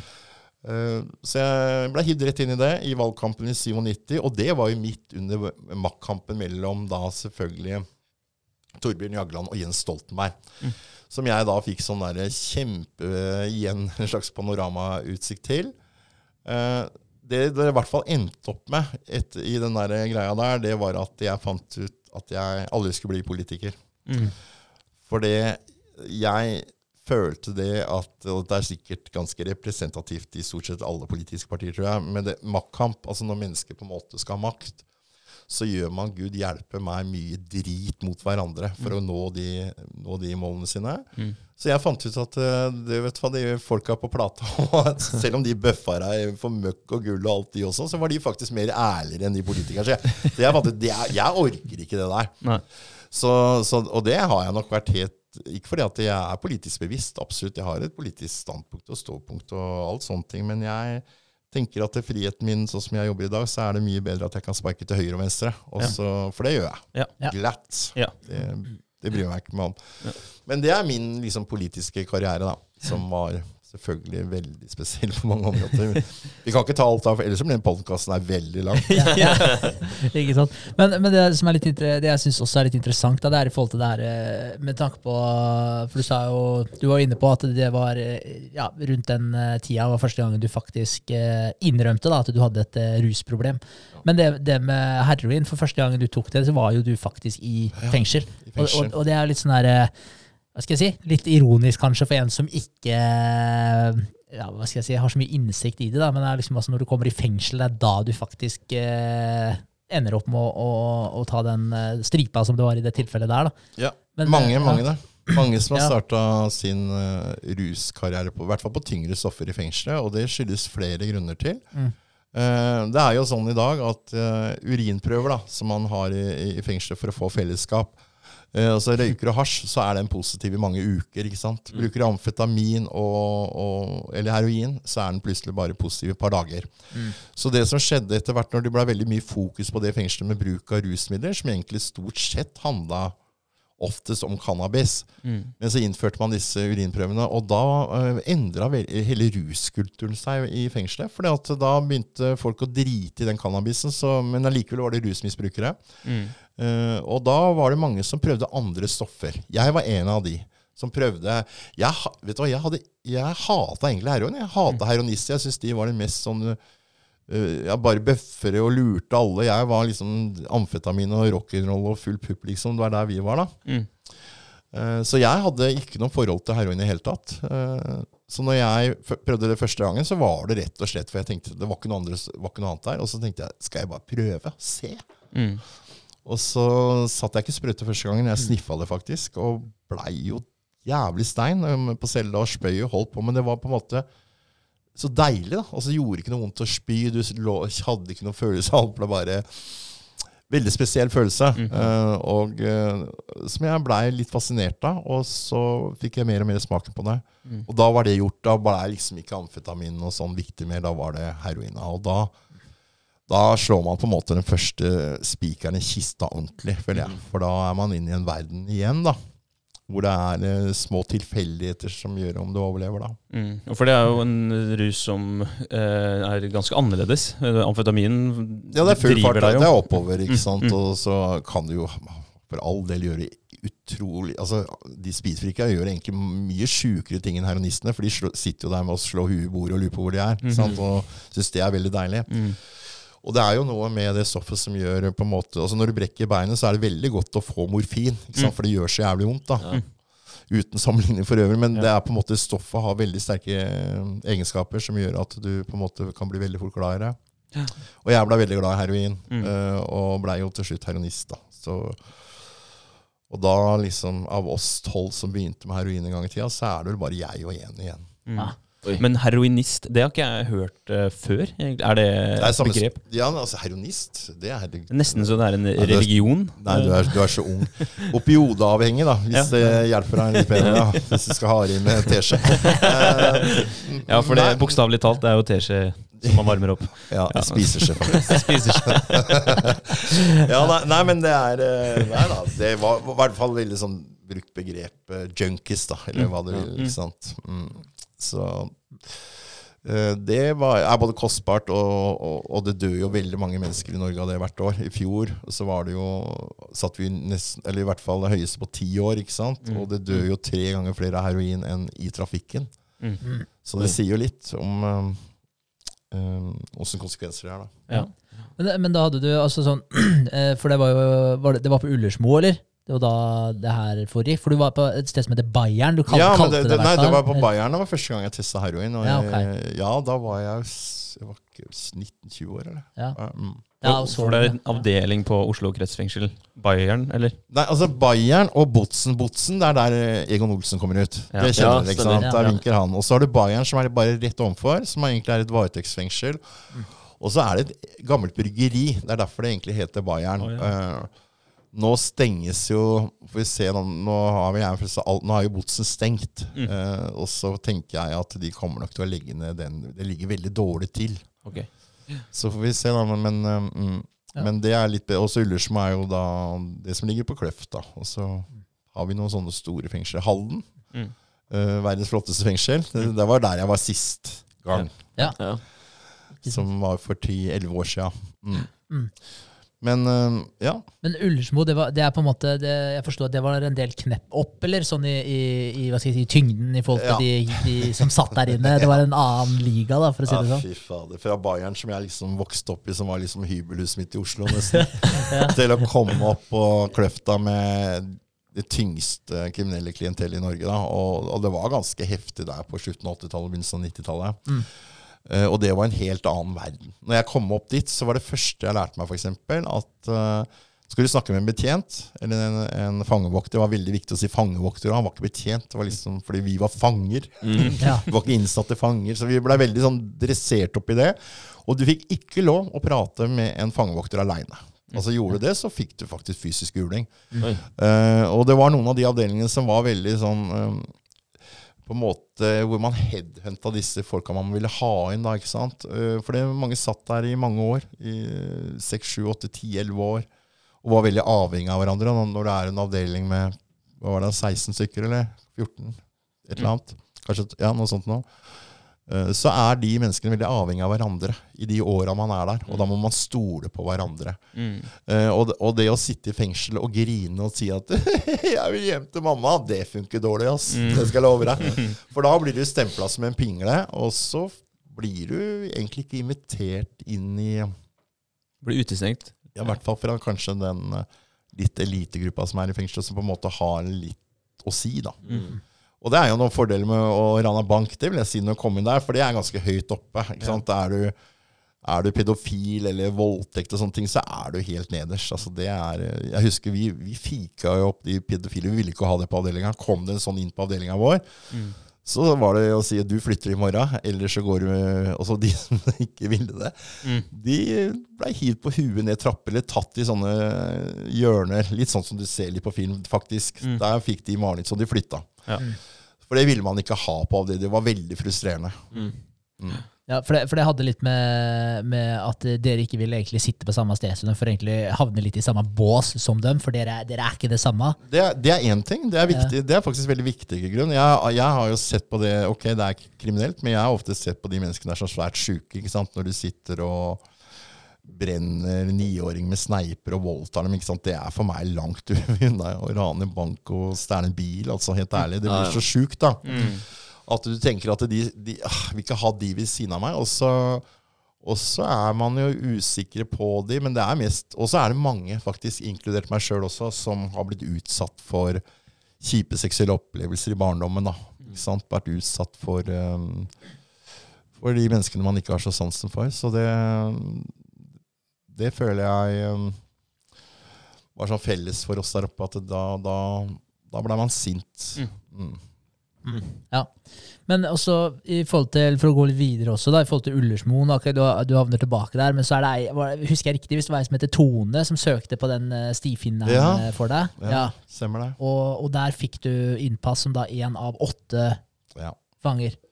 1-8 som fikk lov å være med på den tredje pulja til Stifinnerprosjektet. Det som er viktig å si med Stifinnerprosjektet, at det er et samarbeid. Det var første gang kriminalomsorgen gikk ut og henta behandlingsapparatet inn i fengselet. Mm. Det var det som var så unikt. ikke mm. sant? For før så blei det bare løslatt med en sort sekk og klara sjæl. Mm. Mens nå plutselig skulle de prøve på det, og det har jo vært en suksess. Stifinneren finnes i dag. Flere ja. steder. Mm. Kjempebra. Så der var vi en av de første som fikk være med på det, og den gangen der skulle det akkurat tilfeldigvis lages en dokumentar om. da. Mm. Mm. Uten at vi egentlig tenkte så jævlig mye på hva det egentlig innebar. Det skulle egentlig være en 20 minutters dokumentar på NRK, og så ble det en kinofilm på 1 time og 45 minutter. Mm. Og det var jo nettopp for det skjedde så veldig mye med den gruppa på åtte. da. Mm. Så den blei en Det blei en film som blei veldig, veldig bra på kino. og på TV etterpå. Så det, mm. den har fulgt meg gjennom livet, den mm. filmen der. For jeg er jo en, absolutt en de følger veldig veldig mye gjennom den filmen. Ja. Mm. Det er den som på en måte har gitt deg moment inn i eh, medieverden etterpå, eller og, og gjort at du har fått litt eh, ja, dekning, og, og, bidragene dine har blitt mer omtalt, og du har fått en plass? Ja, jeg tror nok at uh, også altså, Men du, jeg har liksom vært uh, I spotlighten?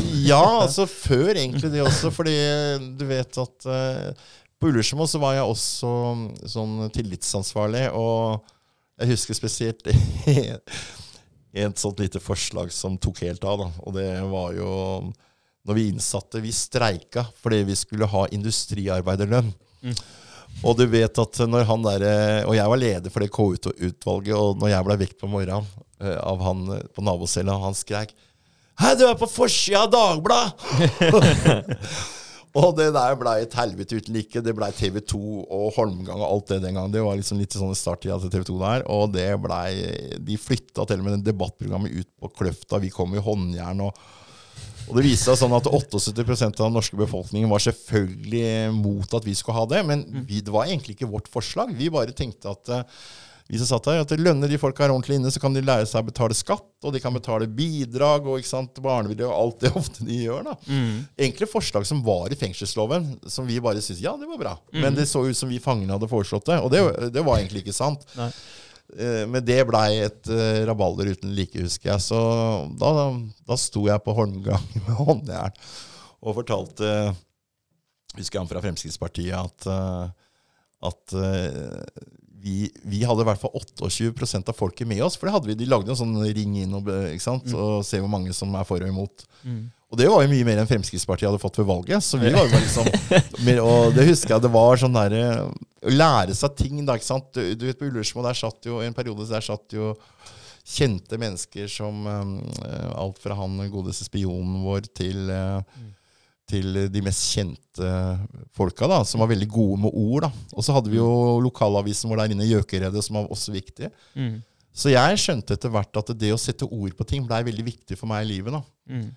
Fordi jeg var ganske enkel med ord i ungdomstida mi, altså satt mye isolert pga. det.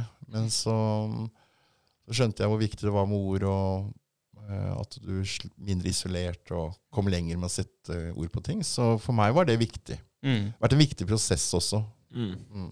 For da, Du fikk en lærer, gjorde du ikke det, i, i fengselet? Som, ja, en eh, ordentlig raddis som ja. sa at du, du må lære å kalle han direktøren for drittsekk på fem forskjellige måter uten å bruke ordet drittsekk. Ja. så det er det mulig? Ja, men det starta sånn. Altså. Ja, det er en nydelig historie, det. Sånn, det for jeg satt så jævlig isolert, så skjønte jeg ikke hvorfor ikke det. Men de andre brukte litt annerledes andre ord, da. Mm. mm. Så det... Og det også er jo litt sånn stoltheten med boka her også, eh, tenker jeg. At den har jeg skrevet selv. Mm. Uh, og når Ingvar Ambjørnsen ga den boka terningkast fem, og, og, og jeg vet ikke hvor mange som kjenner til Ingvar Ambjørnsen, men i hvert fall for meg og den generasjonen min, så er han en utrolig stor forfatter. Mm. Uh, og det tror jeg er det stolteste øyeblikket i livet mitt. Og det var ikke fordi på en måte innholdet av boka, men at han sa at jeg kunne skrive. Mm. Mm. Jeg kunne sette ord på ting, og det, det, det liker jeg, og syns er viktig den dag i dag også. Mm. Absolutt. Men den er jo, den er jo veldig, veldig lettlest. Jeg tror ja. mange er kjent med Ingvar Ambjørnsen nå, med i hvert fall det siste reve, ja. revejakta. Ja, dere har lest den, altså? Ja, ja, ja det, er det, fet. Jeg husker, jeg husker, broren min han, han, skulle lese den til en sånn skoleoppgave, men han leste aldri bøker, og jeg var glad i å lese. Så han fikk meg til å sitte og lese den uh, om kveldene mens han lå på senga og hørte på. så gjerne bra. Lillebror satt og leste skoleoppgaven hans. Men, uh, ja, ja, men det er bra. Ja, det er så kult. Uh, men, men, jeg må si det, det er en veldig lettlest bok, og du skriver, skriver veldig bra. Den er, eh, den er, på en måte, Det er enkelt å, å, å følge storyen, så jeg må mm. si meg helt enig med Ingvar Ambjørnsen at det er uh, veldig bra skrevet. Ja, mm. ja fint. Så, jeg er enda mer glad. Ja, ja det er kult. Men, eh, men, ja, hva, men, hva, skjer da etter den Du er inne på Stifinneren. Det starter, TV-programmet kjører, og det her ja, du kommer deg vel sånn sakte, men sikkert på beina etter det her, mm. eller? Ja da. Blir jo fin med ei jente som jeg er sammen med i mange år. Også, hun er forresten halvt korsikansk, da, for det er litt mm. viktig, akkurat det. Mm. Eh, fordi at når vi drar på ferie ned til Korsika eh, par, par, år etter at eh, vi har blitt sammen mm. så får bestefaren, så tilbyr bestefaren der nede at vi skal leie ut studio til eh, han har i første etasje til nordmenn, fordi han har leid ut til italienere alle år. Og så kommer vi hjem, og så setter jeg en sånn annonse ut i Aftenposten om dette studiet. da. Og så tror jeg jeg får 60-70 henvendelser. Jeg. Mm. Bare tenkte, hva? Mm. Og som en gammel pusher så tenkte jeg å, er det marked her? og det var det jo. Det var liksom ingen som holdt på med Korsika. Og, og, jeg hadde blitt veldig betatt av den øya i Middelhavet. ikke sant? Napoleonsøy og full av historier og kling gærninger og banditter. og ikke sant? Oi, tenkte jeg akkurat sånn som passa for meg. Mm. Og, så, så, da starta Korsika Ferie, som uh, hun og jeg da bygde opp gjennom disse årene, som blei kjempebra. ikke sant? Med seks-sju ansatte, omsatte for ti millioner. og oi, holdt oi. på. Mm. Ja. Ja, etter noen år så gikk det. Men det blei veldig sånn besettelse der òg. Mm. Uh, så det samlivsbruddet jeg hadde med henne, den så jeg ikke komme, og det blei veldig alvorlig for meg. Mm. Det takla ikke jeg. Så jeg hadde veldig fint liv i mange år med det, og hvor jeg trodde alt var i orden, og aldri tilbake til noe sånt. Mm.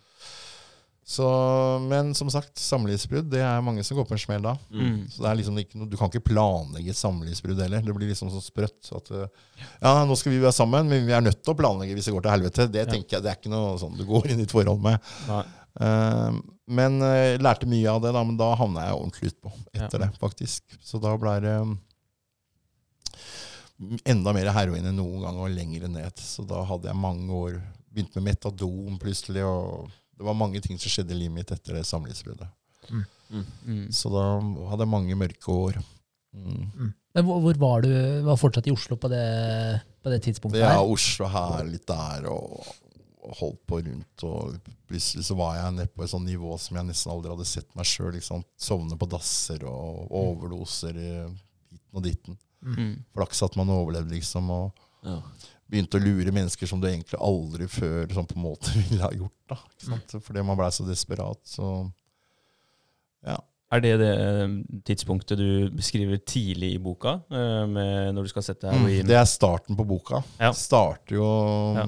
For det er helt vanvittig en ja. start på boka som bare drar deg inn. For det er så mm. detaljert, og så eh, Du får skikkelig følelsen av, av, å være der, egentlig. Ja, eh. ja, den historien er egentlig bare ti år siden. Og det er jo litt sånn et, et sånt tenker jeg, som uh, Aschehoug gjorde, sånn teknisk sett, mm. å, å, starte sånn. Mm. For det, jeg begynte å skrive under boka kronologisk, og ja. det gikk egentlig jævlig dårlig, for jeg helt stoppa alltid med den der kjipe greien med å bli seksuelt misbrukt. da. Mm. Men, uh, men Aschehoug tok det grepet og, og, og starta liksom rett inn i den handlinga i Mysen hvor hvor jeg må få mammaen min til å holde armen, ikke sant, mm. sånn at jeg kan få sette sprøyta. Det er jo noe av det jeg kanskje skammer meg aller mest over. Det laveste. Ja, det er fy pokker det laveste du kan komme. altså, mm. Å få mora di til å holde um, stasen, som det heter, ikke sant, mm. for at uh, du skal få blodsvar. Nei, så det, det er uh, Men, det, men, men, mamma har stått der da, ikke sant, i alle disse åra. Nå har vi det veldig fint forhold. Nå er hun selvfølgelig kjempeglad. Hun har blitt var her bare for noen uker siden i Halden. men... Mm. Ja, Det syns jeg så. Hun fikk en rundtur på Ja, hun ja, fikk en liten, uh, tok en liten danseopptreden i Byparken. ja, nei, altså mm, Det har vært en uh, heftig Bare en heftig greie, da. Mm. Men da, etter uh, den rehab-runden Altså fordi du hadde en runde i Halden fengsel, hadde du ikke det? Jo, altså, jo altså, bare... på slutten nå, da, så det som skjedde, det er jo Du vet, jeg har en veldig god venn i han direktøren i Halden fengsel, som mm. heter Are Høydahl, som jeg kaller egentlig Papsen. Mm. Han har et eget kapittel i boka med tyven og direktøren. Mm. Så han var ikke så imponert i begynnelsen han traff meg på, på slutten av 80-tallet, når vi knuste fengselet og sånn. Da. da var jeg ordentlig opprør, så jeg har jo vært med på masse sånne ting òg. Men uh, han uh, i Min siste soning det skjedde 20. oktober i 2010. Det var mm. siste gang jeg satte meg og sprøytet med heroin òg. Da skulle jeg inn og sone en dom, for da hadde jeg liksom vært i Sverige og surra med noe katt og skulle smugle noe for noen folk og holdt på å surre tulle og var desperat. Og så fikk jeg en straff i Sverige på ett år og ett og et halvt år. Men slapp ut, da. Fordi sånn er det i Skandinavia. At mm. du Svenskene vil helst at du soner hjemme. Mm. det koster dessverre mindre. Mm. Så når jeg da skulle kalles inn til soning her i Norge i 2010, så eh, skulle jeg egentlig på Hoff arbeidskoloni i Vestfold. Men så møter jeg jo Are Høydahl og, i Oslo noen måneder i forkanten, helt på trynet, helt på kjøret. Så sier han at vet du hva, jeg tror du må på rusmestringsavdelingen i Halden. Så det er han som egentlig ordner meg til Halden fengsel. Mm. Uh, og det har hatt mye å si. Mm. Absolutt. Uh, vært helt avgjørende. fordi at uh, når jeg kom til Halden fengsel, rusmestringa Kom ut, plutselig skal jeg stå der og velge. Det var siste gang jeg bestemte meg å gå inn i fengsel nå. Det er siste gang jeg prøver. Og så var der inne, tenkte at hvor skal jeg starte et nytt liv? det var liksom Oslo, Fredrikstad, Drammen var helt uaktuelt. Mm. Og så var det noen sånne tilfeldigheter som gjorde at uh, den, uh, noe som heter Radio Inside, ble starta i Halden fengsel. Det heter i dag Røverradioen. Drives av Mine Hadian, for øvrig. Veldig kult program som lages i fengselen i Norge i dag. Uh, og det, da skulle det redigeres nede på Radio Prime, som var her i Halden, som Ole Evenrud på en måte var sjefen for. da. Mm. Og det har jeg også sagt mange ganger, at eh, Ole Evenrud har også vært viktig for at det har gått bra for meg i livet. For han ga meg en sjanse. Og, og, veldig ofte er det det det handler om. Det handler jo om å gi mennesker en sjanse. Mm. En sjanse til å uh, få muligheten til mm. å gjøre noe. Og så Ole sa det, at uh, ok, du har uh, jævlig dårlig, dårlig CV og ditt rulleblad, men du har en bra radiostemme, sa han. og så sånn at hvis du er litt ærlig mot halvdensere og sier åssen det har vært, og at du skal gjøre nytt og bedre liv, så tror jeg de kommer til å tilgi deg, og så går det bra. Mm. Så, sånn starta jeg mm. karrieren min i Radio Prime. da. Fett. Ja, det, så det var etter du hadde på en måte kommet ut av, av fengselet i Halden, eller i overgangen uh, der? Det var starta når jeg på en måte kom ja. i overgangen ut. da. Ja. Så vi skal takke fengselsdirektøren og Ole for, ja, for at du er i Halden nå. Ja, ja altså Ole, Ole Evenrud Jeg pleier å si at uh, han pleier å synge meg det var ikke min skyld, men det var faktisk hans skyld. Eh, akkurat det, da. Ja. Uh, så Ole, Ole er en, blitt en god venn. Um, mange bra folk i Halden. Mm. Ute katta. Det må jeg få lov å si. Kult. Mm. For da, for da starta du jobba som programleder i Radio, Radio, Prime i fire år. Ja. Var, ja. Mm, begynte, med, begynte, med, en sånn formiddagssending eh, som ikke var på en måte satt noen sendeflate for. Så begynte jeg å holde på med det. og mm. syntes det var veldig morsomt, og lærte jo veldig mye om Halden. Og mm. begynte jo også etter hvert å få ansvaret for politisk, disse her politiske hjørnene hver fredag, som gjorde meg også ganske bevisst i forhold til hva som skjedde rundt politiske byen. Mm. Og veldig spennende. Så så jeg har fått en fin reise gjennom Radio Prime. Så radio er jo dritgøy. Mm. Ja, det blir jo litt, eh, nesten litt sånn radio, det her også. Det er jo ja. utrolig Men så lenge som vi har prata nå, Isik, får jeg aldri lov på radio. Nei, det er sant. da måtte jeg jobbe i P1 et eller annet. Men, ja. nei, så, så, men det, var, det, har vært en fin, eh, fin reise. Kult. Men, men, eh, litt sånn i forhold til vendepunktet, da. Altså, du har sikkert hatt flere, flere punkter da, som har bidratt til å, til å snu hele, hele mønsteret ditt. Men, men hva er hvis vi kan peke på, på én ting, hva, hva, er det som på en måte Er det ett vendepunkt? Som Nei, altså jeg tenker, det, jeg tror det er en modningsprosess. da, ja. altså, Det tar litt over tid. Men uh, jeg tror det å komme til Halden fengsel Jeg var med på noe, en sånn NSAP, som er et sånt kognitivt program. Mm. Um, som jeg syntes var viktig for meg da. Uh, og da var jeg såpass gammel at jeg på en måte følte at jeg var moden til å kunne ta det til meg. Som egentlig handler litt om å bli litt bevisst uh, på sine handlinger og sine valg, da, ikke mm. minst. Ja. Så det var veldig bra. Uh, så kom jeg ut der, så jeg tror det er en sånn sammenheng, men at også at jeg valgte Hallen, da, av mm. alle steder på denne planeten, mm. uh, tror jeg var viktig. Så, men, men, det var fordi at når jeg kom inn i Halden fengsel, så tenkte jeg at dette er siste gang. Nå mm. gidder jeg ikke mer. altså helt ærlig. Da hadde jeg til og med prøvd på selvmord i Sverige under soning der, og surra fælt. Mm. Da var langt nede i kjelleren, så jeg tenkte at dette er siste gang. Mm. Og så ga jeg det vel for kanskje for første gang ordentlig et reelt forsøk. Sånn ordentlig, føler jeg. Ja. ja, for du sier at uh, Ole ga deg en sjanse, men du, du, Det er jo også Du ga deg sjøl en sjanse også, mm. når du da har tatt uh, Altså nå, det her siste forsøket, der skal jeg gå inn for 100 Og som du sier, da, du har vært gjennom uh, det å konsekvenstenke litt, og studere sine egne valg og egne tanker. Er det noe du fortsatt eh, jobber med daglig, eller? Ja, også, ja det er absolutt. Og det, altså, jeg tenker at jeg måtte nok ha litt tid til å modnes for å forstå både det, å utvikle grensefilteret mitt. ikke sant? Masse sånne ting som jeg føler at eh, som nesten ikke fantes da jeg var ung. Jeg ga jo stort sett faen i det meste. Men eh, jeg er veldig bevisst på det der med, med tankemønsteret mitt nå, og i større grad å prøve å, å Eh, jeg føler Spesielt i jobben min mm. så er det på en måte mange ting man lærer seg i hverdagen nå, som man reflekterer mye mer over. Mm. Uh, og det er jo ut fra de menneskene man møter òg. Mm. Uh, jeg føler alltid jeg har vært en god menneskekjenner, og det har vært viktig verktøy for meg i livet mitt å være det. Uh, og så har jeg blitt mye mer tålmodig menneske. Det, så jeg tenker at jeg er veldig bevisst på, i mye større grad nå enn før, da, men, men, det var veldig viktig for meg i den perioden i Halden fengsel å se litt meg sjøl. Mm. Prøve å se meg litt utenfra. på en måte. Hvem er jeg? Og så ikke minst, tenker jeg, som var en veldig viktig motivasjon for meg, det var at jeg var veldig lei av å se at mammaen min gikk ut inn i fengsel for å besøke meg hver jævla uke. Ja. i alle disse årene. Det var viktig for meg. Mm. Uh, for da begynte hun å bli gammel, så tenkte jeg nå må jeg gi mamma noen fine år på avslutning av livet sitt. Det, ja. det, var, det, det, har vært en motivasjon for meg. For jeg hadde egentlig ikke så veldig mye annet å hente inn. Så, så, så, jeg tror nok mamma har vært viktig uh, for at jeg har tatt noen uh, gode valg på slutten. Ja. Det er helt sikkert. For, du, for nå driver du jo et, et veldig viktig arbeid, og du er jo med på store prosjekter i Halden. Kirkens Bymisjon. Eh, du er jo på en måte den som driver Kirkens Bymisjon i, i Halden. Avdelingsleder heter det. Avdelingsleder, ja. Ja. men det er jo helt fantastisk. Hva, hva er liksom uh, Hvis du skal se på For det er tankesett da, for lenge siden, tankesett nå. Hva er motivasjonen, hva er målsettinga di nå? Ja, det er et veldig bra spørsmål, og uh, det kan jeg kanskje svare på ganske enkelt. Eh, jeg har kosta samfunnet sted mellom 100 og 150 millioner kroner. Mm. Med all kriminalitet, fengsel og drit og vræl. Mm. Eh, og dette er han fengselsbetjenten som har regna på, så det er helt riktig beløp. Kanskje mm. mer, egentlig. Mm. Det er noe jeg aldri kan betale tilbake. Aldri.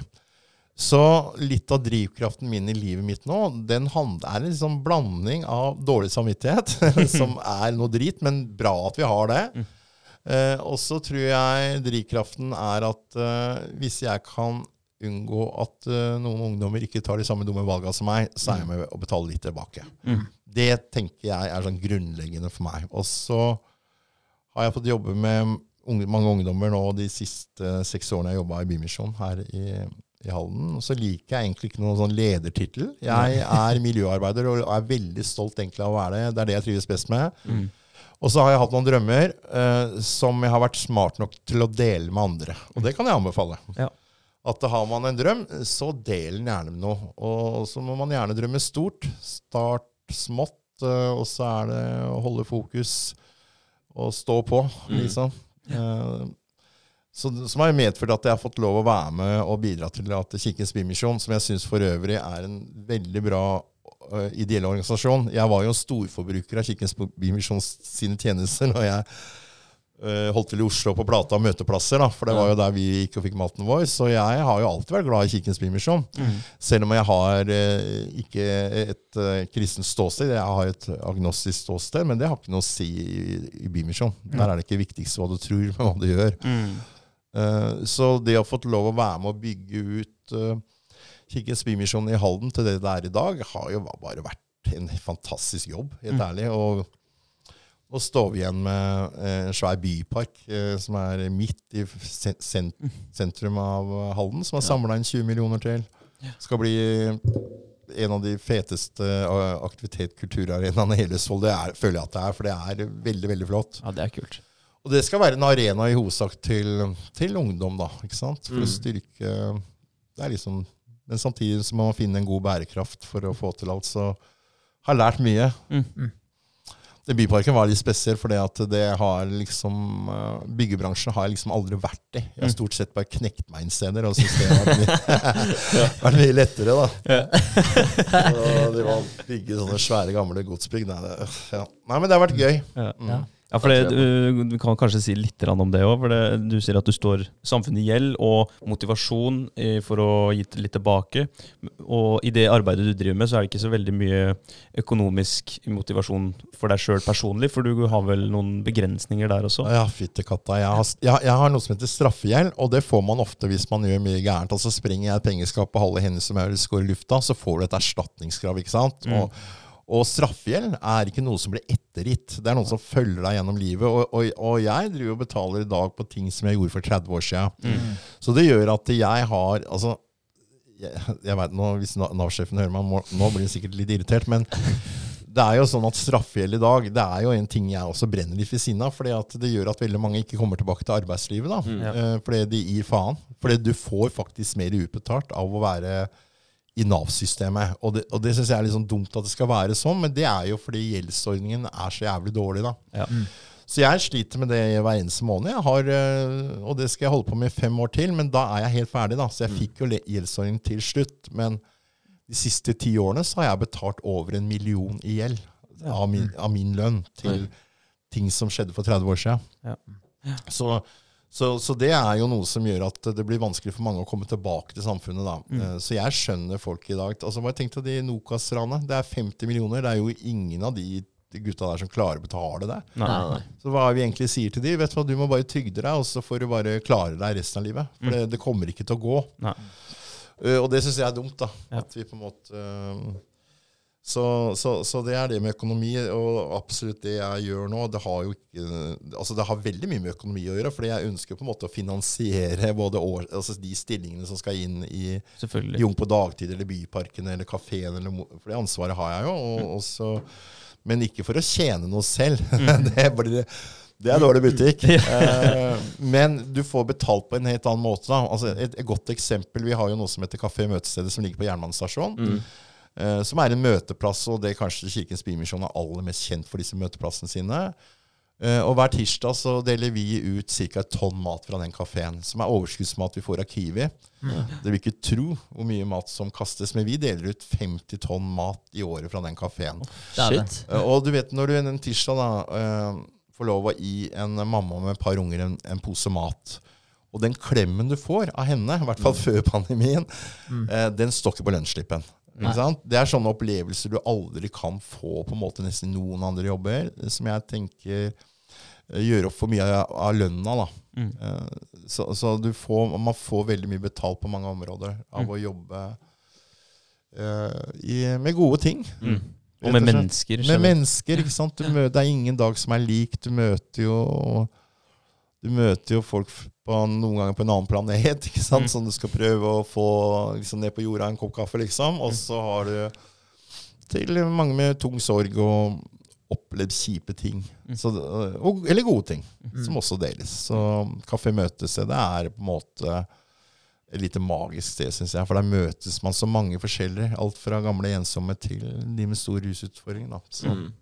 Men, men, det må jo ja, være veldig givende uh, å kunne være med på noe sånt. Da. Og det, jeg hadde tenkt å spørre i stad, litt som André var inne på, på en måte, hva er det som Eh, holder deg i, på det rette sporet nå, da, og du har egentlig vært litt inne på det, men jeg vil også kanskje tro at disse ja, hva skal jeg si, de, de folka du møter, og dem du kan hjelpe, at det er også en gulrot som er med på, Absolutt. på og, ja, mm. holde deg på rett kjøl, for å si det Ja da, si det, det også har jeg en bedre halvdel, Bodil, som holder meg i øra. Det, eh, det er bra med en kvinnfolk som holder i øra, altså, gutta. Det, det, kanskje ikke akkurat den tida dere er nå, men etter hvert så Nei, da vet du hva, Jeg har mye å takke Bodil for. Jeg traff henne, Det var en stor kjærlighet. Jeg traff henne for ni år siden. Eh, og eh, på eh, hva heter det, Trebåtfestivalen her i Holden. Ja, ja.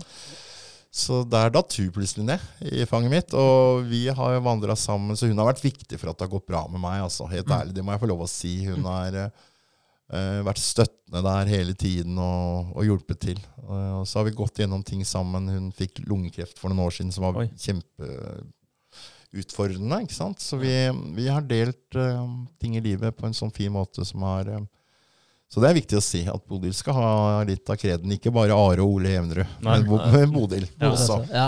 Delt, og, og, og, Kåre, psykopaten Kåre Katta. Nei, jeg skal ikke lage sånn lang takkliste nå. Ja. Nei, men det har, det har, vært eh, folk rundt på en måte som har heia. Det har vært viktig for at mm. man har lyst til å fortsette. da.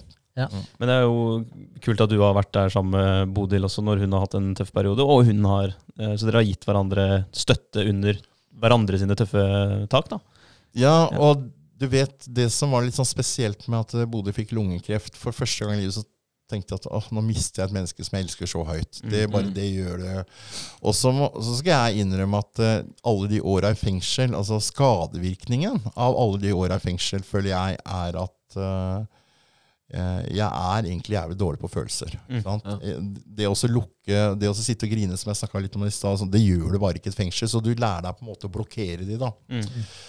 Og jeg husker så godt jeg, når Bodil lå på Ullevål og skulle operere bort den ene lunga der. Uh, og alle rundt henne gråt og var lei seg og hei og hå, men ikke jeg. da. Mm. Der sto jeg liksom Nei, dette går bra, ta sammen. Ikke sant? Bla, bla, bla. Og så kjører jeg hjem til Halden den kvelden mens hun på en måte legges inn da, for operasjon dagen etterpå. Og på veien hjem til Halden, så bare midt på motorveien, så bare begynner jeg å hylgrine. Eller bare sånn der, det bare rant ut. Tårene fossa, og jeg måtte bare kjøre inn til kanten. ved å krasje. Og så står jeg der og, og, og griner meg ferdig. Og det eneste jeg tenker på, det er at jeg håper faen ikke noen fra Halden kjørte for mye med meg nå. det var liksom fordi at Jeg ville jo på en måte ikke vise Det er liksom noe som har vært sånn grunnleggende innarbeidet da. Jeg merka jo det ofte når Bodil og jeg sitter og ser på Norske Talenter, og, og Bodil griner, griner, griner av det meste. Mm. Eh, og så kan jeg plutselig bli rørt. Mm. Og da, da, stikker jeg av. Da stikker jeg enten på do eller begynner å vaske opp. Et eller annet, det, så det ja. føler jeg er liksom på en måte vært en sånn eh, greie fra fengselstida da, ja. uh, som jeg har hatt godt av å kjenne på. da. Skal ikke vise svakhet. Mm. Mm.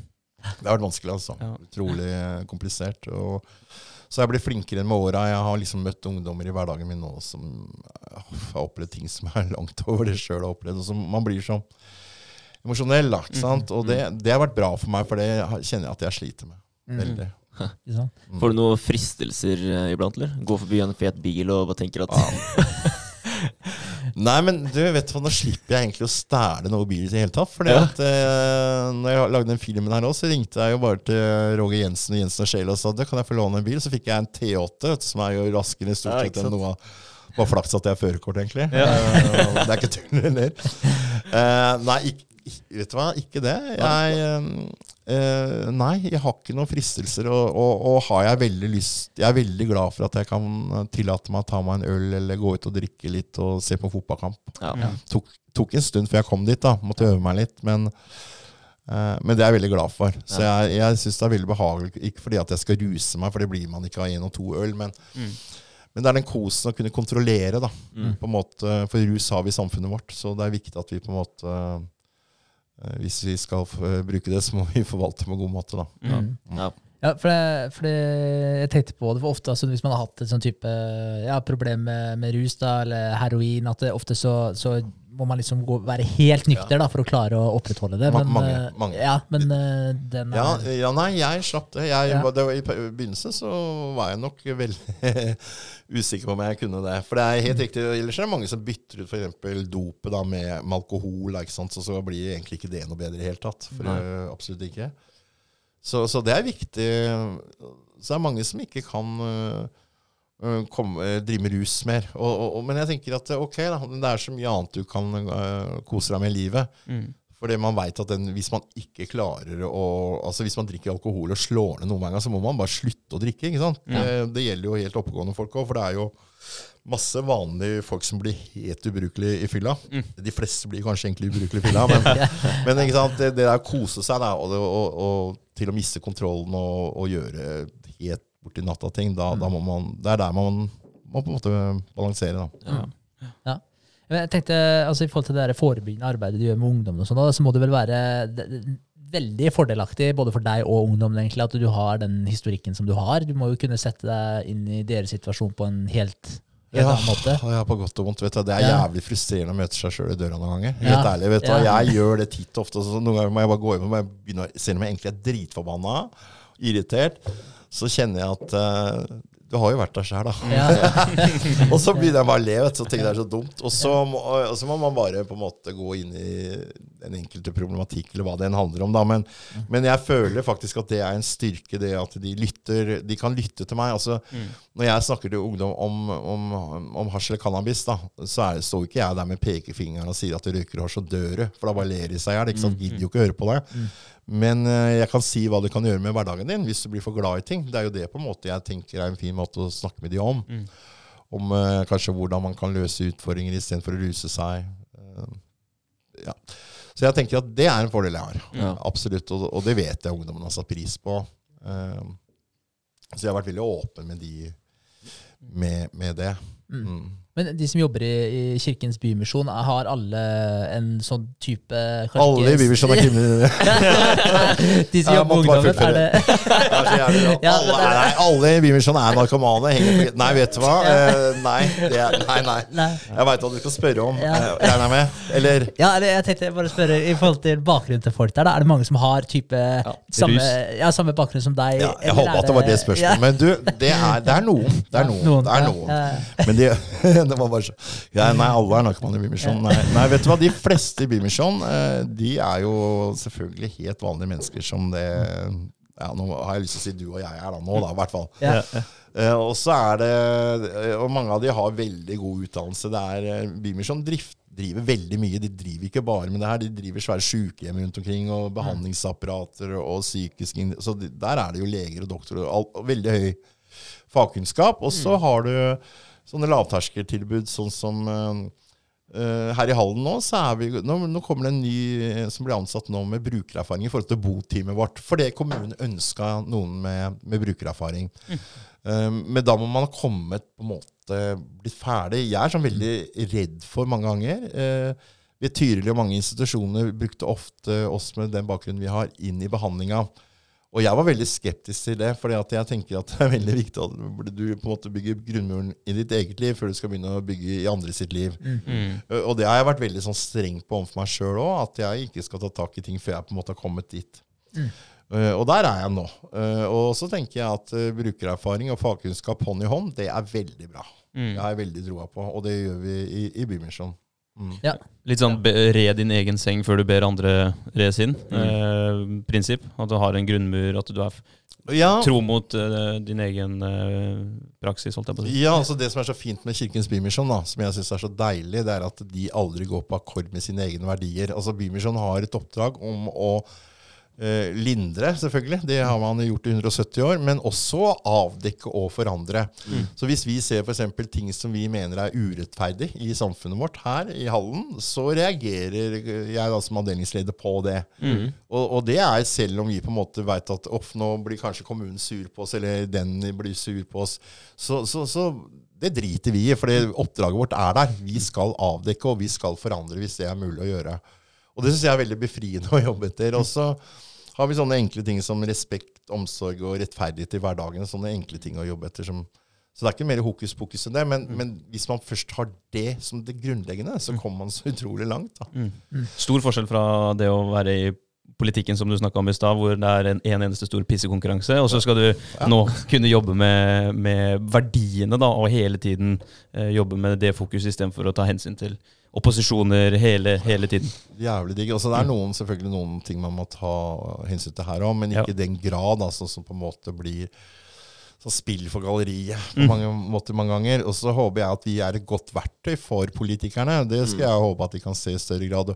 Og det, det skal Halden få skryt av, uavhengig av politisk ståsted også. At jeg føler det har vært sånn tverrpolitisk enighet om at det arbeidet Bymisjonen har gjort i Halden, er bra. Mm -hmm. Om det er ungdomsarbeidet. Og, og, det er veldig nytt for Kirkens Bymisjon. Husk på, Kirkens Bymisjon er veldig en gammel organisasjon. Den har jo holdt på i 170 år. Mm. Uh, da het det riktignok ikke det, det var Indremisjon, og da var det litt tøffere med ting og tang den gangen. Men, men Bymisjonen har jo på en måte hatt de grunnleggende verdiene hele tiden. Men det som kanskje er mer tydelig nå enn noen gang, det er at uh, man ønsker også å forebygge. Altså Det er ikke noen motsetning mot å forebygge og lindre. ikke sant? Mm. Så slipper man kanskje å lindre så mange. Mm. Og spesielt er jeg personlig veldig glad for det fokuset vi har på barn og unge. da. Ja. Mm. Utrolig glad for det. Ja, det er bra. Mm. I, i uh, forhold til, For du nevnte jo at du måtte komme deg eh, Få bygd grunnmuren din før du kunne hjelpe andre. Når, hvor lang tid tok det egentlig? For Du sa at uh, i 2010 det var på en måte da du tok litt oppgjøret med deg sjøl og, og, kom deg ja. på rett kjøl. Hvor lang tid tok det egentlig før du følte at nå, nå har du fått bygd det fundamentet? ja, nå, nå skjer det. Ja. Vet du hva, Jeg skal si en ting, og det her har jeg lært gjennom åra, at eh, jeg holder alltid garden oppe. Mm. Altså, Ikke fordi at jeg tror at jeg skal sitte med nåla, og hvis Bodø eller at det blir samlivsbrudd eller bla, bla, bla. Uh, at det skjer ting i livet, at jeg gjør det. Men, men, for meg er det viktig. ikke sant? Har jeg tannverk, så bruker ikke jeg Paragen forte. Altså sånne ting. Jeg holder meg unna det mm. holder jeg meg unna, som ikke på en måte kan trigge meg. Mm. Selv om jeg egentlig ikke er redd for det, men jeg har sett så mange eksempler da, mm. eh, med venner da, som har holdt seg 10-15 år, og så har de gått på kanskje hjerteinfarkt, begynt med Pargen Forte, og så bang, så er det heroinister igjen. Mm. Opioidavhengige. Mm. Så, så, så, det Så jeg har noen sånne Det gjør jeg ikke, det gjør jeg ikke. Mm. Og er jeg fyllesyk, så får jeg pokker tåle det. Altså, ja. det Men kan anbefales ikke med alderen. Men, uh, men, bortsett fra det så er jeg veldig sånn, opptatt av å ikke utsette meg for ting som kan på en måte trigge ting. da. Mm. Uh, selv om jeg ikke forestiller meg å se meg der nå. Men det sa jeg Det har jeg sagt hver gang før òg. Bare så det jeg har sagt. Mm, mm, ikke sant? Mm. Så jeg tror det er lurt. Mm. Ja, det høres fornuftig ut å, ja, å ta, ja, ha visse retningslinjer. Da, Forhånds- ja. Forhåndsregler. Absolutt. Men eh, hvis du eh, Har du fra trappa, holdt jeg på å si, fra den tida der, har du, er det noen igjen eh, i dag, eller? Som, som du kjenner, som du kan snakke med, holdt jeg på å si? Uh, som jeg, jo, det er jo noen fra trappa-tida som ikke nødvendigvis blei uh, Altså som, Junkiser er heroinister som, uh, som eh, For det var litt sånn spesielt, det var forskjellige miljøer der nede. ikke sant? Du hadde de som ikke gjorde kriminalitet, som på en måte prostituerte seg. Og det Mm. kunne være like så mye gutter eh, som jenter. Så hadde du noen av det- gjengen oss da, som er med knekk og brekk og, eh, og, og sånn speed-gjengen. Og, eh, og så var det noen av oss som på en måte gikk videre. Mm. Og så var det noen som holdt seg, og, så, og noen av de som på en måte ikke rørte det. Det, det er ikke det at Men jeg, kan si hei en gang iblant. De er der på Facebook innimellom. mm, mm. Eh, og det syns jeg er trivelig. Mm. Uh, litt sånn sjokka over hvor jævlig gamle de ser ut. Da. Men, at, men så ser jeg på meg sjøl og tenker jeg, fy fader, det må de helt sikkert synes om meg òg. men, men er egentlig veldig glad for at de har overlevd. Da. Mm. Altså, for det er ikke noe selvfølge i det livet her. Altså, det, er, eh, det er flaks at jeg kan sitte sammen med dere i dag. Det, er, eh, det må jeg si. At det tilfeldigvis hun kom og åpna den dassdøra da den gangen og fikk ringt sjukebil. Det er flaks. Mm. Ja. Um, kanskje noen syns det er skjebne, men uh, jeg syns det er vakkert. Uh, ofte så misunner jeg litt de som uh, har et kristent ståsted Mm. av å bruke ordet skjebnen, for det er litt sånn vakrere enn tilfeldigheter. Mm. Så jeg er litt misunnelig på det, men, eh, men det har jeg tenker jo sånn at det er eh, reinspikka flaks. Eh, og så er det mye godt arbeid i etter, etterkant, da, selvfølgelig, å stå her i dag.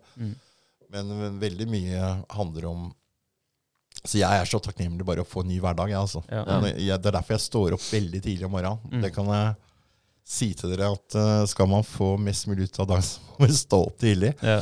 Og det er ikke tull heller. Eh, jeg har en veldig kvalitetstid, står opp gjerne klokka seks. Også ikke fordi at eh, jeg gjør sikkert som dere som løper rundt og trimmer og holder på, men da tar jeg meg en sigg på verandaen, så sitter jeg og hører på fuglene kvitre, og han psykopat Kåre, om han har tatt med noe mus inn eller kos. Da har jeg veldig fin kvalitetstid, og så leser jeg litt aviser og drikker kaffe. Og så. Litt Ja. egentid. Ja, Ja, er faktisk, Det for det, det er ikke så selvfølgelig å få det i dagens samfunn. Altså. Det er mye stress. Og, og i og med at Bodø liker å sove litt lenger, så tenker jeg ok, da er hun parkert, og så Mm. er jeg, og jeg og Kåre ti av år.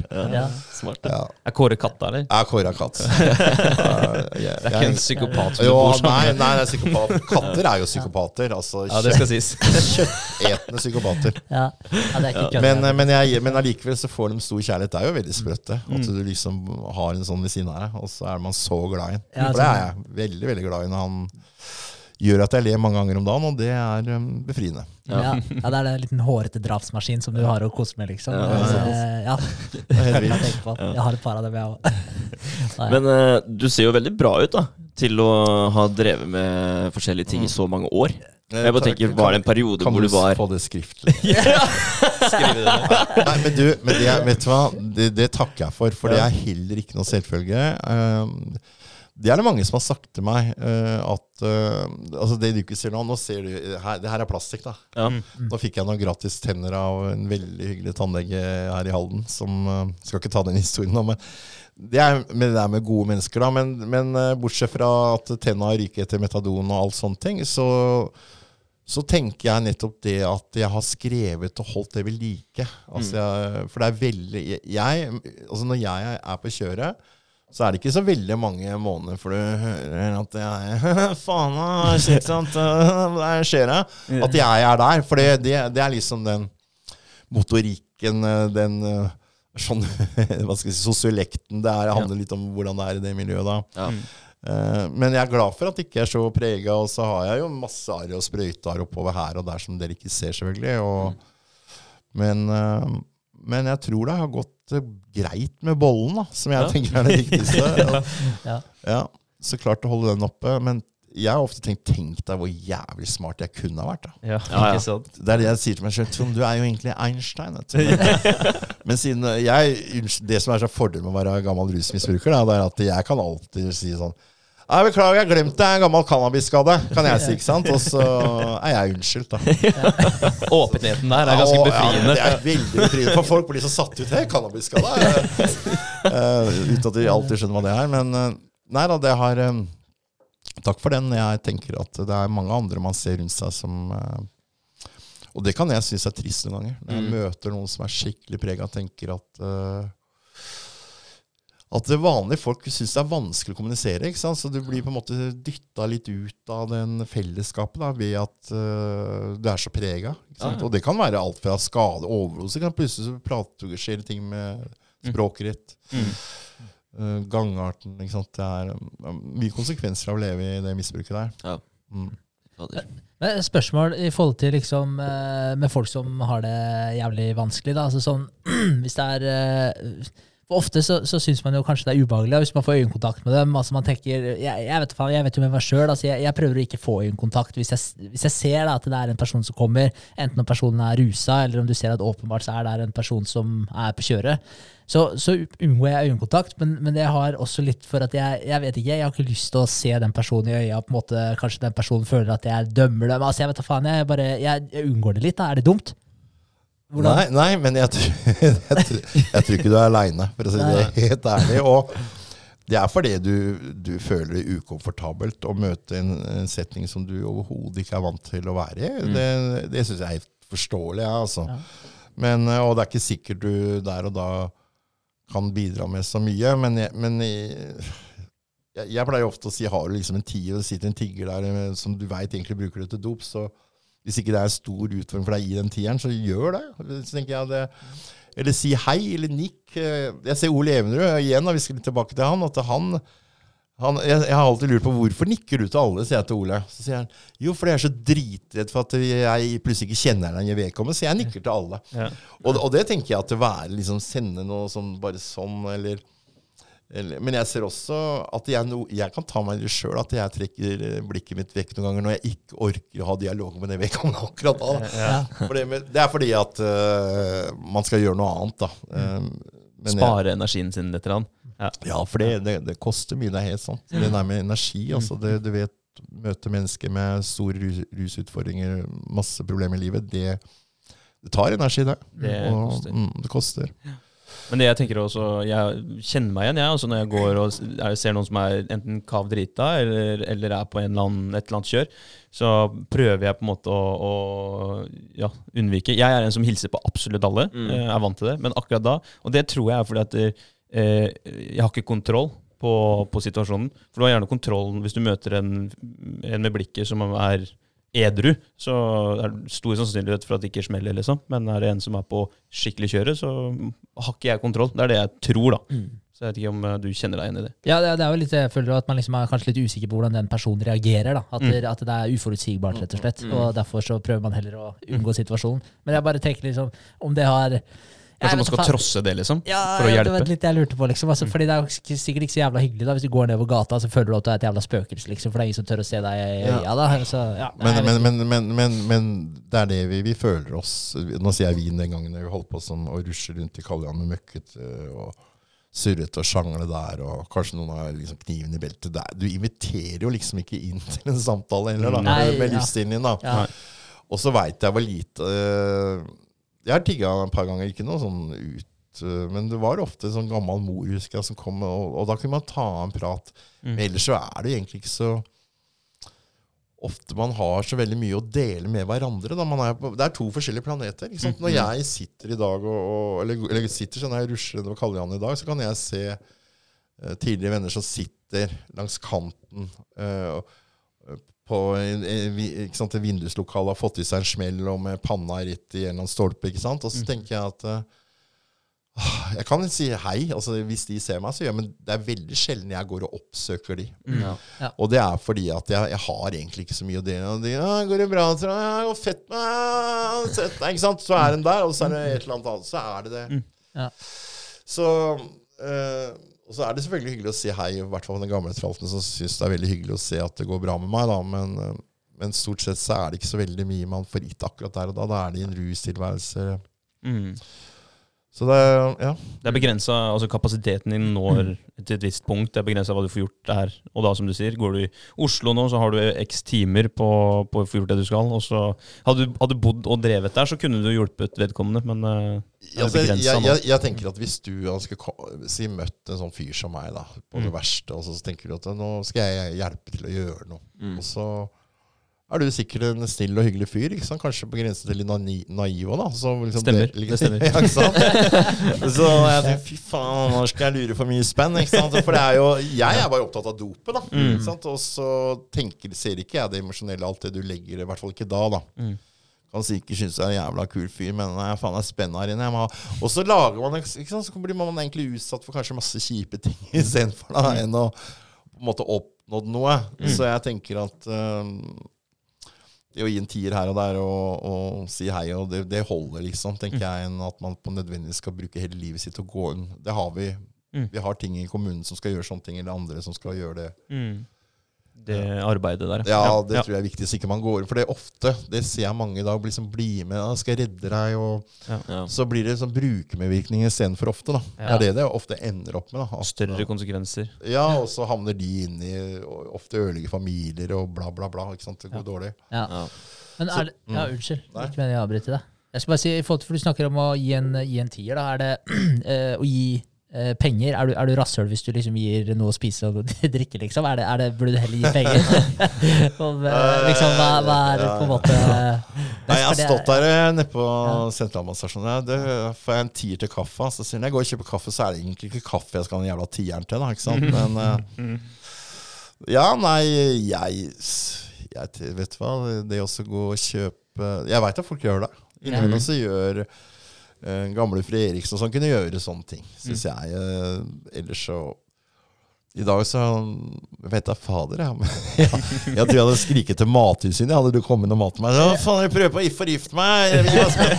Nei, nei så jeg, ja, altså, jeg vet ikke. Det er sikkert, sitt, uh, sikkert, men det er jo ikke det man kanskje er der for, da. Men Nei. Mm. Det er en godt spørsmål. ja, ja, Vi har liksom alltid lurt på det. da, For jeg tenker sånn, eh, for Man vet jo hva de pengene går til, men så er det jo ikke kanskje ja, så Jeg vet ikke om man hjelper eller om man gjør skade da, ved å gi den, ja. gi den tieren. om du skjønner hva jeg mener. Ja, jeg skjønner godt hva ja. du mener. Men du, Vi har f.eks. noe som heter iJobb, som jeg egentlig er også veldig glad i, Kirkens Bymisjon, hvor vi har mennesker som uh, ofte har rusutfordringer, da, som mm. har en restarbeidsevne de får måtte prøve seg hos oss. Mm. Og, og, så er det jo sånn at de, ok, kanskje de klarer å være med og klippe en hekk og holde på i fire-fem timer en dag. Og så slipper man å uh, gå rundt i byen. Og så får man betalt på kvelden. Og så vet jo vi det at uh, i veldig mange tilfeller så kommer de folk her til å kjøpe seg rus. Mm. Uh, men kanskje de slipper å gå rundt og gjøre innbrudd den kvelden da, for å få mm. penger til den rusen. ikke sant? Så, så, så, så jeg tenker at det er ikke det viktigste, tenker jeg, at hva man tenker de pengene går til. For det er vel ganske om man sier det går til uh, Ja, jeg trenger 200 kroner til noe mat på Rema. du vet, ja, ja, vær så god, mat skal du ha. Mm. Så, så, er det sikkert noen som ville sagt jeg kan være med deg og handle. Mm. Eh, det er det. Men hvis du først gir 200 kroner så veit du at det er jo 200 du gir til et eller annet. Mm. Ja. Kanskje litt mer preventivt, som du sier. At det kan stoppe ja. noen uh, brekk, f.eks. Ja, jeg tenker sånn at ja. Eh, jeg tenker at det må bli opp til den enkelte å vurdere det. Mm. Hva de føler rundt det. For det mm. Mm. Uh, ja, tida flyr jo, ser jeg, men, eh, men, jeg tenkte på noen kjappe spørsmål på slutten. da. Altså, jeg tenkte, i forhold til Du var litt inne på det med takknemlighet i stad, men hva, hva, er det du er mest takknemlig for uh, i dag, her du sitter? Ja, det er at jeg fikk lov å få en ny dag og sammen med dere, for så vidt. Her, mm. Sånn syns jeg er koselig. Um, men jeg er takknemlig for det. Jeg er takknemlig for at jeg får lov å, å, å, å våkne. Mm. Um, og får lov å få en ny dag. For det vi er på denne planeten her en viss tid. Uh, og så kan man si meninga med livet og bla, bla, bla. Men for meg er det rett og slett så enkelt som at uh, meninga med livet er et liv med mening. Da. Det høres litt sånn teit ut, men det er på en måte det som ligger i meg. Da. Å mm. få en ny dag, ha det fint rundt meg, være med å skape bevegelse er jeg opptatt av. I, om det er i enkeltindividets liv eller i samfunnet, så er jeg opptatt av det. Ja. Um, Eh, på forskjellige plan, om det er kriminalomsorg, eller om det er, handler om barn og unge, eller uh, de tinga som jeg er opptatt av. da. Mm. Ja, jeg syns det er litt kult at du bruker 'ny dag' som et begrep. For jeg har vært på et foredrag med, med mm, Jonas Ville, tidligere HTH. Han har et foredrag som heter Ny ball. Ja. Og Det er egentlig ganske kult, for det, det har han brukt i sin, uh, sin, trenerrolle i alle år. Han er jo en ekstremt god figur til å skape samhold og, og en god klubbkultur, hvor uh, de proffe håndballspillerne er ydmyke og flinke med folk. Jonas er en jævlig bra fyr, og jeg har hatt gleden av å møte han både i Radio Prime, uh, under, vi hadde jo håndballprogram der, og også i jobben min i Bymisjon. Og, mm. og han Han er en, eh, Jonas er en fyr proppa full av følelser mm. og masse empati, ikke mm. minst. Mm. Og, og, både han og pappaen veit jeg heier veldig på. Det Jeg er ikke rørt av altså Jonas. Jeg bare fikk noe i halsen. ja. Ta den drikke. Men ja, eh, ny ball. Eh, bare for å ta en sammenligning eller parallell over til, til ny dag. Ja. For, for, det handler om at når du gjør et forsøk, og det går til helvete eller det går dritt, så har du alltid en ny Du har alltid en ny sjanse. Det er alltid en ny ball. Gutta får en ny ball til å mm. score det målet når de får en ball imot. da. Mm. Og det, jeg syns det virker jævla relevant i, til Trond, da, som har en ny dag. Ja. Og står opp tidlig for å utnytte den uh, nye dagen. Ah, snart har du ikke en ny dag. Nå er jeg snart ferdig. Nå snart sier det stopp. Nei da. Men, uh, men, det skal sies uh, han, som Trond sier, empatisk, fin fyr. Og han er jo en av de heteste kandidatene til å ta, ta over de norske håndballherrene. landslaget ja. til herrene. Fett. Ja, det er fett. Nå har jeg nesten ikke stemme igjen. Ja, ja, har snak, vi har snakka ja. jævlig lenge òg, så det er ikke så rart. nei da, men det, det var bare vann, altså. Ja. jævlig vet du, det er svære feil. Ja, det er det. Og dette er gudskjelov ikke live. Nei, jeg, ikke live. Det er ikke det. Vi kan dempe noen av hosta. Ja, det løser seg. Det løser seg. Uh, men ja, eh, praktiserer du takknemlighet? Altså Har du et sånt bevisst forhold til det? Eller altså, er, det, er det noe du praktiserer daglig, eller har du på en måte bare Ja, jeg ja. deler ut masse reflekser og. Nei, men jeg er takknemlig. Ikke, noe, ikke, det at jeg ber til noe, eller noen sånne ting. Altså, jeg er bare Prøve å leve og, og, vise den takknemligheten til omgivelsene rundt meg. Mm. Ja. Det gjør jeg på jobben, og jeg har fantastiske kolleger, frivillige. Mennesker rundt meg som jeg føler det er litt familie. Mm. Eller som Per Fugelli pleide å si, flokken sin. Jeg tror veldig mye av livet handler om det. faktisk. Mm. Så enkelt. Som, eh, ikke sant, Nå har vi jo en krig i verden og mye dritt og vræl. Men allikevel så er det på en måte det som skjer rundt deg i hverdagen, det som er rundt deg, flokken din, som jeg tenker er avgjørende viktig å ta vare på. da. Ja. Mm. Mm. Det er en god tanke, det. Veldig. Absolutt. Er det noe du har lyst til å dele på slutten? Eller altså, Hvis det er noen som hører på det her, noen som på en måte kanskje er på vei Vil dele en smell, eller? jeg vet hva, Nå kjente jeg at det, nå jeg sitter lenge, nå blir det sånn tåpelig humor. Men, nei, men jeg tenker at uh, det å få dele altså, sånn gode råd, Et godt råd, da. Jeg tenker i hvert fall som jeg har opplevd de siste årene, det, det handler veldig mye om Hvis man har drømmer, da. Mm.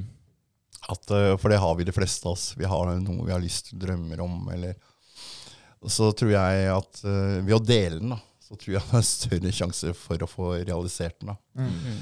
Så det anbefaler jeg til, selv om jeg har mange ungdom i dag som har drømmer som er helt på tur som Du tenker det går jo ikke. Mm. Men det er ikke ofte drømmen som er viktig, vet du. det er veien ditt. Mm. Og det er det jeg, jeg tenker at uh, når man på en måte har drømmer, så skal man ikke avfeie de drømmene. Man skal bare selvfølgelig gå for det. Jeg syns man skal gjøre det. Og så tenker jeg at vi har et ordtak i Kirkens Bymisjon som jeg syns er veldig veldig fint, og det er eh, 'ingen er bare det du ser'. Det tror jeg man skal ta med seg i livet. Mm. Ja, eh, alle enhver. Og så skal vi ha passe med rom til alle i, inni oss. Det tror jeg at vi også møter alle med respekt. Mm. Det er jeg veldig opptatt av. Uavhengig av eh, ståsted, så skal man gjøre det. Mm. Så får vi ta det andre underveis. Mm. Det er vel det jeg føler at jeg har tjent mye på, da ja. livet mitt. Mm. Utrolig uh, morsomt å, å, snakke med deg. Det, det, jeg føler at uh, arbeidet ditt og Kirkens Bymisjon og, og, det dere gjør, det, det, er veldig i tråd med, med det vi snakker om, å bli en, litt, altså bli en bedre versjon av seg sjøl og hjelpe andre på veien til å gjøre det litt bedre. Og å kunne sitte her og dele tanker med deg er vi veldig takknemlige for. Og et mm. langt format som du har vært med på, og da får vi hele Vi får alt, eh, alt med oss. Ingen uh, hidden mes messages. Altså, jeg har aldri, det kan jeg si, aldri vært med på så langt format. og så er jeg helt enig med deg i det du sier, at den jobben dere gjør Dere er unge dere har masse tid foran dere, men dere er samfunnsengasjerte. Dere vil gjerne dele historier, og det er veldig viktig. for det Deler man i historier, så kan man også inspirere andre. Det er en viktig del av jobben min. Mm. Og det er å være til inspirasjon. Mm. For uh, enten en med en sånn fortid som meg, at si at det nytter. Det nytter å gjøre endring. Tror man har klart det? Hva faen meg jeg klarer det? Yeah. Eller at det, sånn som Byparken, at det kan smitte over til uh, ja, selv Sarpsborg, som kanskje trenger et godshus med sant? At det på en måte inspirerer andre da, til å prøve. Da. Mm. mm. Det, det, er vel så viktig for meg. Og så det er gjensidig. Takk for at jeg blei invitert, og takk for en uh, fin drolling. Kunne holdt på lenge, kjenner jeg. Ja, vi, vi, får, vi, får, ta en runde to en gang. Det er ikke noe umulighet, det. Nei, absolutt ikke. Uh, du kan ta før og etter 60. Ja, det kan jeg gjøre. Hvordan går det nå? ja, da, da, går det nå. Det er noen år til, da. Men, uh, men, det var veldig hyggelig å være hos dere. Ja, veldig bra. hyggelig å ha deg her. Ja, hvordan, eller Hvor kan vi finne din inspirasjon nå? På hvilke kanaler kan, vi, kan folk se etter deg? Er det på YouTube, eller? Hvor Nei, vet du hva? De kan komme på kafeen og ta en kaffe. Det, da møter de meg. Det tenker jeg ofte. Jeg, står, jeg gjør jo veldig mye annet i livet. Hvis ikke så kan jeg jo anbefale en film jeg lagde her i, i, i høst, som ligger på YouTube, 'Gategutta'. Eh, den tenker jeg er fin. Den er eh, Mye kul musikk, og der har både Ole Evenrud og Henrik Hvitnes og mange andre vært med. Mm. Og så har jeg skjønt at jeg aldri skal lage en dokumentarfilm aleine noe mer. Fordi jeg har, nå skal vel dere sitte og klippe. Dere skal ikke klippe, dere. Nei, nei, Nei, det, er, det, er så deilig, vet du, med en dokumentarfilm. Da må du klippe. Så jeg har jo senebetennelse i hånda, for jeg har gjort alt aleine, da. Ja, Men uh, da har jeg gjort det også. Så um, ellers er det kommende på kafeen og gjerne komme nedom eh, Byparken og titte. Nå gleder vi oss veldig til å åpne den til, eh, nå til sommeren. For det, det skal jo ikke bare være for barn og ungdom òg. Vi, vi, skal ha en bærekraft der, så der kommer det sikkert til å bli en arena som skal dele mange fine opplevelser i fremtiden med mange hallensere. Så ja, kult. Vi får ta turen ned og se, vi òg, da. Absolutt. Så det har jo blitt veldig fint der nede. Det blir jo bare bedre og bedre. Så ja. veldig moro. Så ja, Nei, takk igjen for uh, praten. Kunne sittet og prata i to timer til. ja, da, da, sier vi sånn, vet du. Jeg hadde alltid, alltid avslutta dagen min på Radio Prime med Sjalabais Halde! Sjalabais Halde! Herlig. Hei da. Ha det.